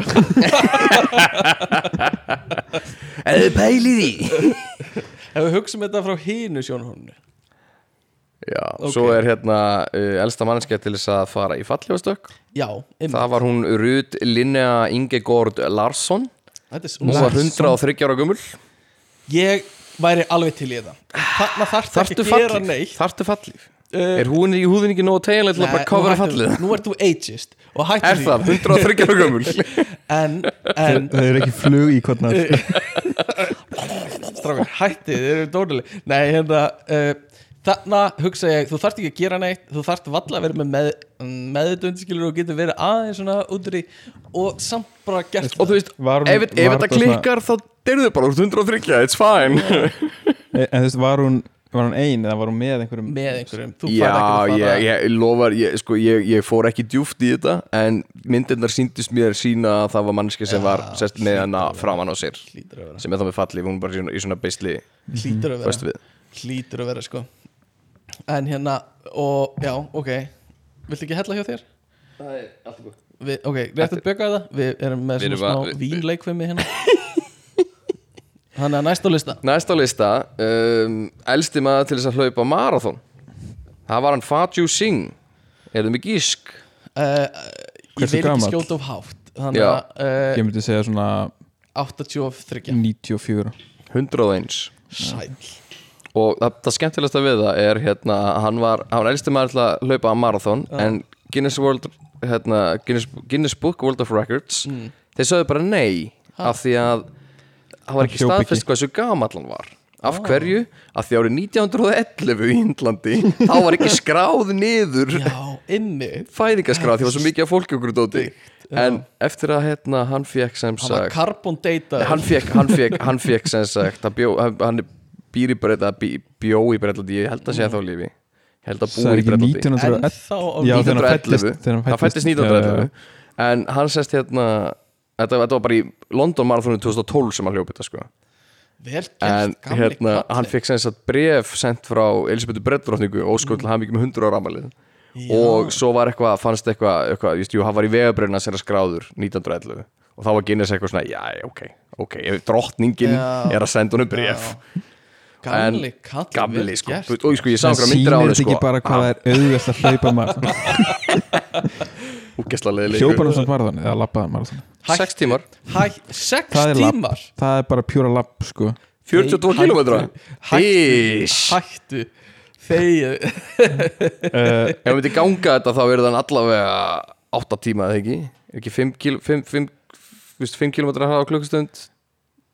Það er svona meðalgöngur mm Já, þá ertu ekki búin að drífa 42, 42 Þá ertu km 50 Já, ok, en kannski- kílómetra Ef að Hann er leggur svona, hann er verið svona 7 Þetta er bara joggið. Hann er hann- 100 fucking 1 Björgvin Ef að hann leggur á stað Þú frá ert að sjá mannin sko. Ef að hann leggur á stað frá Lundunum á 10 km hraða og það er lest að koma mótunum nei, nei, nei, nei Hvena mætast þér?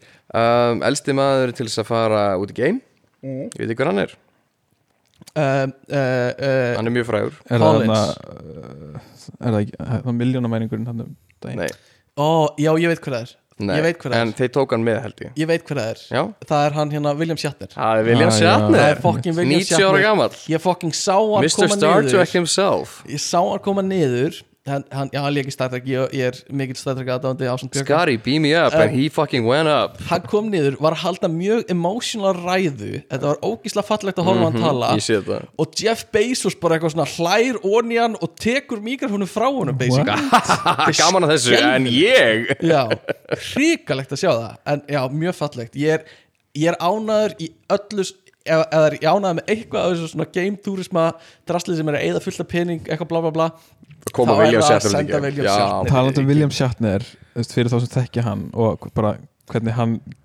gerir ímsta hluti Crane. um Það er, William Shatner það er Danny hérna Crane Nei, sko, það, hann er með eitthvað svona ógeðslega skemmtilega coverplötu á YouTube, á Spotify nei á Spotify segi Mhm. sem ég mælu með að skoða það er mjög eru sko hérna fullt af, ég held að hann sé að covera einhver Queen lög Já, og Elton John og eitthvað svona. Hann er ekki að ógeðslega syngja fyndið. þess Nei, Hann hann, er meira- bara svona að lesa textan eða svona tala textan það er ógeðslega gaman. Hérna Mama, ooh didn't mean to make you cry. Life had just begun. Ógeðslega gaman að hlusta á það sko. Mæli með að hlusta. Ég er með tvæ mannskir viðbúð Þessi er þetta sko, þessi er bara 63 Ok, En þetta er að Konstantín Reliu Ástæð fyrir hann er þekktur í heiminum er árið 2018 Var gerð fréttum hann. Mm. Þar sem að uh, Rúmenska ríkið Þar sem hann er frá Ákvað að hann væri of sitt Að snúa við dánarskýrtunni Sem konan hans sóttum já ég veit hvað þetta er. Mm. Ég sá, ég sá Hann sérst fór til Tyrklands í tíu ár. Hann stakka af fjölskyldunum mm Og konan hans sóttu bara um bara heyrðu, Hann er bara látin og Já, hann bara ekki að vita. Hann leta ekki að vita. Svo kemur hann tilbaka og rúmenska ríkið var bara já, þetta er bara þú veist, of seint. Og hann er eitthvað, ég er hérna, hann er eitthvað, ég er samkvæmt lögum og dáin? samkvæmt landinu, þá ert þú látin og hann var bara, ég er döður ég get ekki gert neitt, ég fæ ekki banka eða dót eða neitt, ég er döður Hann í ég má ekki gera neitt. hann var í limbo í einhver ár. Uh, hann, lögfræðingurinn hans fyrsti lögfræðingurinn hans fokkaði upp. Þannig að þetta virkaði ekki, þú veist, hann hefði getað sótt um þetta í dómskerfinu, lögfræðingurinn fokkaði upp það virkaði ekki, hann var í nokkur ári viðbót bjó á sófanum hjá einhverjum vinnum sínum eða einhverjum sem hann þekkti. þurfti bara að nota kass og dæmi hann var bara ekki meðin, hann var ekki skilur ekki að neitt það var bara hann var döður á endanum gekk þetta, fekk hann þetta nekt tilbaka en það var mjög seint og en pælt í að mæta í dómstól og vera bara, ég er ekki döður Já. og ríki bara, ég held þú sér döður þetta er, þetta er bara svona pure computer Bara says svona, no bjú, dæmi. bara svona bjúrokrasi þetta er bara kerfið er ekki byggt fyrir þetta sem er smá fokkt sko. Ég líka, þú veist, líka- tíu ár ekki nógu langur Nei, tími til að vera bara, nei. já, nei, sorry, Einmitt. þú ert á setn, þú ert döður En ég hlustaði á líka podcast átt um þetta eh, Stuff You Should Know eða eitthvað það sem vera að tala um svipuð mál og þá var að tala um sko mann ekki nákvæmlega hvað þetta var en það var eitthvað þannig að kennitalin í bandaríkjunum er endur notuð eftir að fólk deyr. Hmm. þannig að ég man ekki hvort einhver lendi eða, það er möguleika einhver lendi í því að þú veist þú, að einhver not er komið með kennitalina þína Áður- eftir að þú er döður skilur Já, já. Eitthvað svona algjört fokk. Allavega, hvað er mér síðast uh, Senast það, uh, því með skjóta á bæði nafn og aldur. Elsti maðurinn í biblíunni Uh, þetta er einhver af þessum fyrstu þeir lifiðu ógæslega lengi 900 og eitthvað ára. Þetta þetta er, Adam. Nei, Nei, hérna, þetta er Adam var bara synir 130 hans. ára, sko. Abel Nói. eða Cain ég vil segja er, nei Cain, Cain þetta er nafnið er Metusela En hann varði mitt 969 ára. Já, búi Nice. 69 þeir urðu mjög gamlir þannig að el- fyrstu Þeir bara, ég lofa því, gaurið sem skrifaði bókina bara fucking gleymdi að drepa hann. Já, Æ, ég er ekki að grýst, þetta verður bara svona Oh shit, ég glemdi Metusala. Metusala fór upp á fjall ákvaða loksins að deyja. 970 ára gaman Þeir eru svona mjög margir, mjög gamlir Ég meina Muhammed í kóraninu var líka orðin að helvít öflur mm Mhm. -hmm. Hildur hann hafi verið 470 ára eða eitthvað. Þetta er svona eins og rekkanir í, hana, í Lord of the Rings eitthvað sem þeir verða og já. gamlir menn eitthvað, allavega hérna, Má ég bæta við listan. Örstuð uh, Elsti maðurinn til að fara undir 10 sekundur í 100 metrar hlaupi heyrðu já uh, Hvað heldur það hann að vera gammal? þú fi- 47 Fim- 51 ég vil segja 51 Tommy, hvað er með gisk? Núna? 48 Ok, þið eru mjög bjartsinir Hann var 40 ára. Að fara undir 10 sekundur í 100 metrar hlaupi er ekki fyrir Nei, 50 nei, ára menn það að er gera. Það er alltaf leiðilegt að giska um hátt sko. Ég sá er samt eitthvað, það var líka fyrst eitthvað elsti gaurinn til þess að keppa crazy. leiki NFL, hann var þú veist 48, 53, ég bara gaur, þú ert bara að fara að molna er með, við það, ég man ekki hvað það er kannski bara eitthvað 60 menn eða eitthvað hafa un- hlaupið undir 10 tíu sekundur í, heiminum og það var bara helviti færtugur maður impressive, bara, sko. sérstaklega vegna þess að þú veist, hann settist fyrir persónulega með þegar hann var færtugur sko. Það er líka og magna líka þú veist, hann var að uppleið allan tíman og ég vona að þú sért eh, þessi ég lægi að segja þetta en þú veist, þú hefur verið aðeins að reyna að byrja að hlaupa aftur svona hinga, hér og þar, einhvern tímann en topnar rosa mikið. en þú veist, bara um leið og þú byrjar, skilur við Já, þá þú- kemur eitthvað fyrir og Já. þú ert bara 20 eitthvað ára. það er bara líka vegna þess að þú veist, þegar maður er búin að vera í svona miklu sprengikraft sporti Já. og hætti svo langa tíma að þá heldur maður að maður sé ennþá já, í sama formi og veist, að, að byrja eitthvað svona sprettlaup eða eitthvað svona þannig er allt annað heldur en að byrja veist, eitthvað svona, já, ég ætla að fara að hlaupa 10 km, þú veist, ég að álægið er bara allt annað Já. og allt miklu meira Þetta er að- satt líka ekkert ósvipa á eins og við, við í körfu. Ef við ætlum að, þú ætlar að fara fyrir spokkar inn í leik körfuboltaleik að spila þú veist, 30-40 mínútur líkundin að við myndum rífa eitthvað eða, eða taka crossband eða eitthvað, veist, bara allar líkundar á, sko. álægið og kraftarnir sem er að verki er miklu meira heldur maður Kraftarnir. Er þannig að þannig að ég ætla að koma með þetta Já, tvo og, og leik. Og leik sem ég ætla að koma með. Fyrsta er hérna bara mjög stutt Það er, mér finnst svo fyndið að sjá svona Flórida búa eldriborgara sem koma aftur til Íslands og ég sé það oft í sundi og eru bara appelsínugul. Já. leðurhús og Straight. appelsínugul. Já. Tanned, tanned leather, það er það sem þetta heitir. ég skil ekki hvernig líkamann er að verða svona litinsamt að þetta er ekki kannski svona típiska brungan kannski er þetta bara að þú verður eldri þá breytist eitthvað. Að því þau eru appelsínugul. Kann- kannski er það að nota eitthvað svona sólarafburð Nei, eitthvað ólíur ég eða eitthvað svona. ég held að þau séu bara ekki gera neitt svo þau eru kannski eru þeir bara nota alltaf litla sólarafburð já, það getur verið. En mér, er þetta bara ógæslega fyndin típa sem mætir svona, uh, þú veist janúar, bara í dimmasta mánuðunum til Íslands og eru bara sko, bara, uh, þú veist brend af sólinni og koma, já, fínt að kíkja til Íslands í tvær vikur og hérna svona aðeins að sjá jólaljósin og svo bara beint út að verða, Aha. að verða appelsínu önd aftur. Þetta er svona appelsínu önd típan sko, uh, fyrir þá sem tengjum við það. Sí, hindbúndur sem Ég ég skjóta því mm. Ég sé myndbæta mannesku sem er svona appisinu brún og svo flagnar hún í einhverju þú veist, eitthvað brend, brend, brendst eitthvað í fríi og veist, það var svona einhver, einhver, hvað það var, veist, dóttirinnar eða sýsterinn eitthvað sem var svona að byrja bara svona aðeins að plokka í döða húð. Svo bara fór af bara lag. Já, bara svo af tanni, þetta var bara eins og þetta var bara eins og væri bara að- að taka húð af, af fokki kjúklingi eftir að grilla hann sko. namnaði það og ég var bara, virkar þetta bara svona? Er, þetta- er tannið bara einhver, einhver dögt lag utan að þur og beint sem að hangir bara eins, fínt að marinera þetta og svo svona borða þetta eins og Já, smá hérna smá sweet chili og sojasósa og smá skemmtilega mér finnst þið, en ok, loka þetta á einhverju smá skemmtilegu kynlíf og gamalt fólk. Oj, bara. Oi bara, ekki gera það. Gamma Nei. fokk ekki ekki Mér finnst það frábær tilhugsun. Ég vona að sem flestir gamlir séu virkir algjörlega. Uh, Ég var ekkert tíma að tala um þetta við lækni sem var, eða lækna nema og, og viðkomandi bara vildi ekki samþykja hjá mér að það kæmu upp kyn sjúkdóma faraldrar og ellihimilum það er þeng Það er nefnilega Það fucking thing og ég bara, ég var svo Ég meina þau frekar nátt að smoka. Nei, nei, það er nefnilega málið að þau eru komin úr batning Já. og þá hugsaði þú 74 ára gætur ekki stýpura já, já, uh, það er hana en, en hérna komin úr batning og þá hugsaði bara uh, það er engin afstæð til að passa getnaðvörnir eða öryggi í kynlífi Einmitt. og eru bara, fyrst faraði til nonna á, á hérna gangi 3A og svo kíkjaði yfir til Sigga sem er á gangi 4B og svo til Möggu sem er á gangi 8D og þú veist, það er bara þú veist, ef þú ert mjög virkur þá held ég að allir heimilin séu bara príma staður fyrir svona sko. Og, og hérna, mér finnst það bara mjög fallegt sko. Já, og hérna, en þetta kemur reglulega upp kynnsjúkdóma faraldrar inn á ellihimilum Mhm. sem ég finnst svo geðveikt sko, ef að, ef að það, þú veist þú veist, deyringin úr því eða eitthvað svo leið Ég, ég dreif mörkin að fólk láti ekki lífið. Já, En að þú veist, ef þetta er lagnanlegt Já. Gekkju stemming maður. Ég held að sé Nei, ég held að sé- ég held að sé þetta alveg Næs og þú veist, þú ert svona uh, læknir segir, já, mér sýnist þú vera með hérna sárasótt.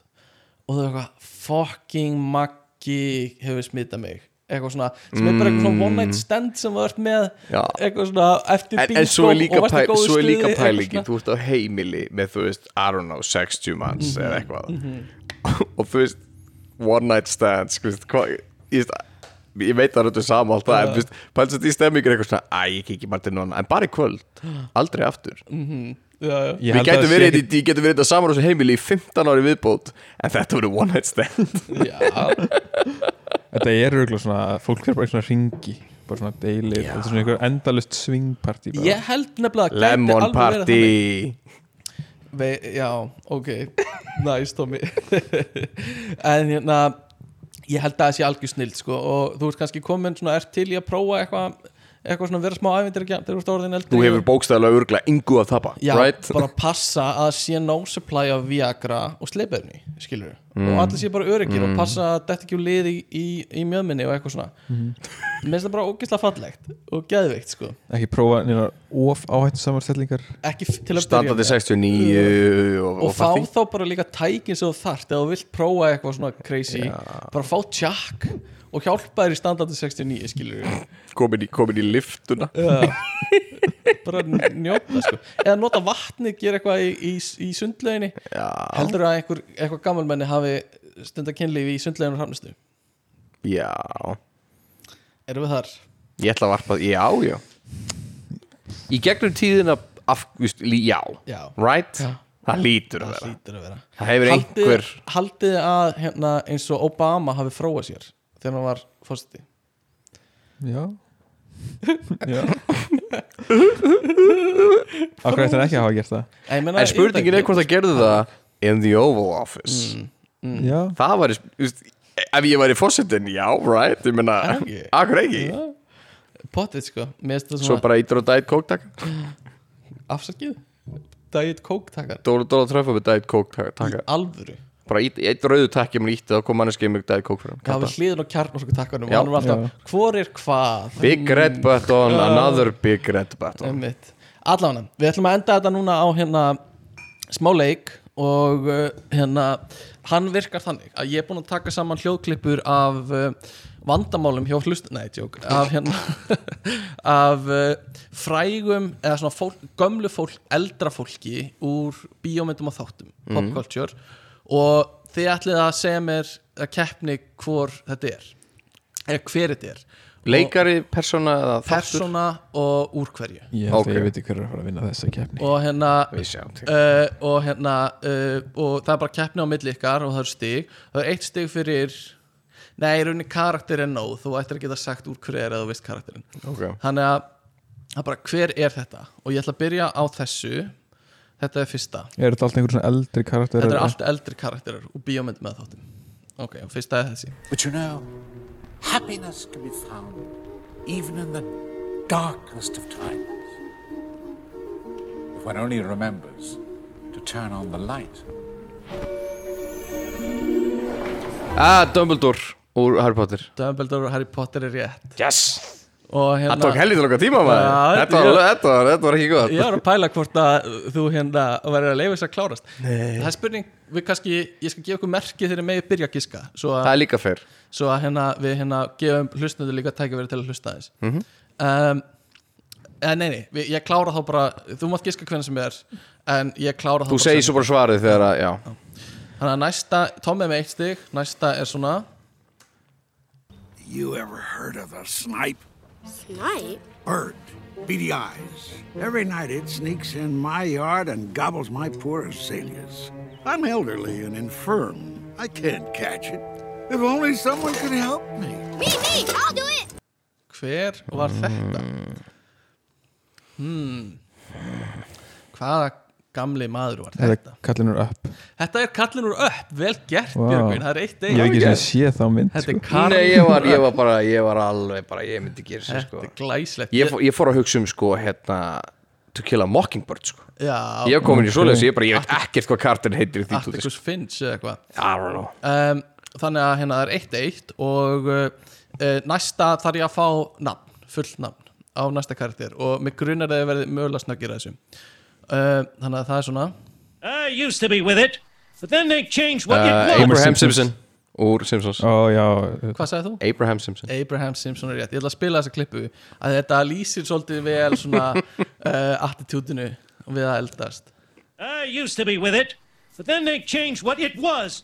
Now what I'm with isn't it, and what's it seems weird and scary to me. It'll happen to you. það sem er cool og eitthvað Old man yells at cloud það sem er cool núna uh, er eitthvað allt annað þegar, þegar ný kynslu tekur við um, næsta er þetta þetta getur verið smá erfitt, ég þarf ekki nafn ég þarf bara að vita hver þetta er uh, staðan er 2-1 fyrir Tóma I don't want to be a loser. You're not a loser. Where'd you get the idea you're a loser? Because Dad hates losers. Whoa, whoa, whoa, whoa. Back up a minute. You know what a loser is? A real loser is somebody that's so afraid of not winning, they don't even try. Now, you're trying, right? Words of Wisdom frá gömlum kalli úr bíómynd ég ætla að gefa ykkur það Mm. hmm. Hmm, hmm, hmm. Þannig að Ég er alveg frekar tómur þetta er erfitt sko þú þarft svona að vera séð þessa aðdáandi. mynd, eða? já, þetta er góð mynd sko og, en þetta er ekki mynd sem þú ert kannski að horfa á reglulega um, en ég, mér sýnist ekki verið með þetta Nei, Þetta- Godfather eða eitthvað. nei, ágæt, nei, ekki frábært gísk ég ætla að segja Schindler's þetta. List, nei. ekki, þetta er léleg gíski á okkur Ég veist, ég heyrði bara á bara hreimurinn sko Þetta er hérna, þetta er afinn í uh, Little Miss Sunshine Já, ég bara sé hann einu sinni ég var við tíu ára barnabarn sko. Þetta er frábær mynd, sko, Já, ég mæ, er með henni. og þetta er svona, hann er, Er þetta ekki hérna, hann er nýt áinn þessi leikari? Ég, þetta er Alan Arkin held ég Já, hann heiti. Er hann ekki nýlátin? Ég veit ekki, ég gæti verið, sko. Hann er, hann er Hann er góður sko, hann er rosalega góður. Og svo er þessi, það er ennþá 2-1 fyrir Tóma Ég gæti verið snöggir á þessu. Og þú veist, ég þarf ekki nafn En hérna, Life You never know what you're gonna get. Þetta er mamma, mamma, mamma sko Mamma Forrest Gump. Leikurinn er Shelly Osbourne, ef þú vilt Nei Er ekki, er ekki Shelly Osbourne? Hún heitir Sally Fields Sally Fields, sorry Shelly Osbourne er bara kona á Shelly Osbourne Já. Nei, það, nei, nei, nei, nei Við ég ætla að spila þetta eins og að þetta er classic line Þetta er classic. og eina af minni uppáhaldsmyndum Life is a box of chocolates, Forrest. You never know what you're gonna get. Ég elska bara að það sé ekkert R í setja nafnir Faust Faust Life's a box of chocolates Þetta er classic og síðasta það er þrjú eitt fyrir Tóma síðasta er svona You know, I think what you discovered this week was that something's missing from your life. And before you start to fill it up with everything but the kitchen sink, I think you ought to just ask yourself, what do I really want? What is really going to make me happy? Now.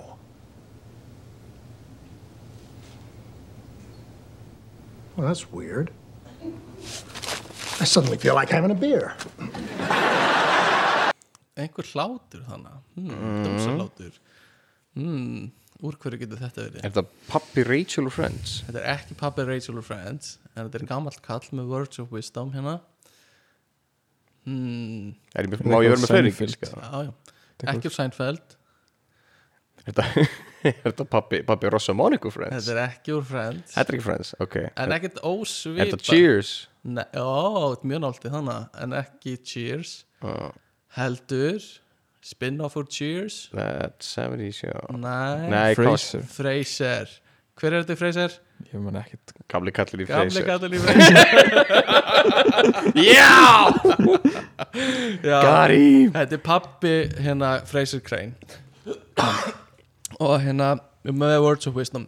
Þannig að þetta fór svona 3-1, 4-1 fyrir Tomma cirka uh, Það er lokin á, á þessum leik, þessum þætti. Fekk ég, fekk ég ekki eins og hálft stig Jó, að segja ok, Frasier? nei, ok, já. Nei, gamli kallir við Frasier tekur öll stíð Það er rétt, það er 3-2 fyrir Björg Björgi fær þetta Björgi fær þetta stig. Það er 3-2 fyrir Tomma Þetta var, þetta var close one. Um, Við bara þökkum fyrir áhörnina Hérna rauðvinn dagsins í dag er uh, Ramón Bilbao og uh, styrstar alveg þáttarins í dag eru hérna ah, já, við þetta, það er bara svo langt síðan við tókum hérna servettur, það eru servettur ertu með skýtu á munn, sóðastrákur og ertu með alltaf mikið á Disneyinum notaðu servettuna servettur, þetta eru slagurðan þeirra. Og hérna er eitthvað sem þið viljið bæta við í lók þáttar? Bara hvíl í friði. Hvíl í friði. Bara. Nice. Bara, við veist Takið nú vel á móti ellinni krakkar. Ha? Það þýr ekkert að vera að be- berjast við hana. Hún kemur, njóta henni bara þegar hún kemur. Það er það að segja ég sé gamall eða? Já. Er þetta akkur þetta öskra á mig svona? Segja að ég sé gamall? Þú voru bara átt að það á því Tómas Þú voru bara átt að það Tómas, ég er yngre en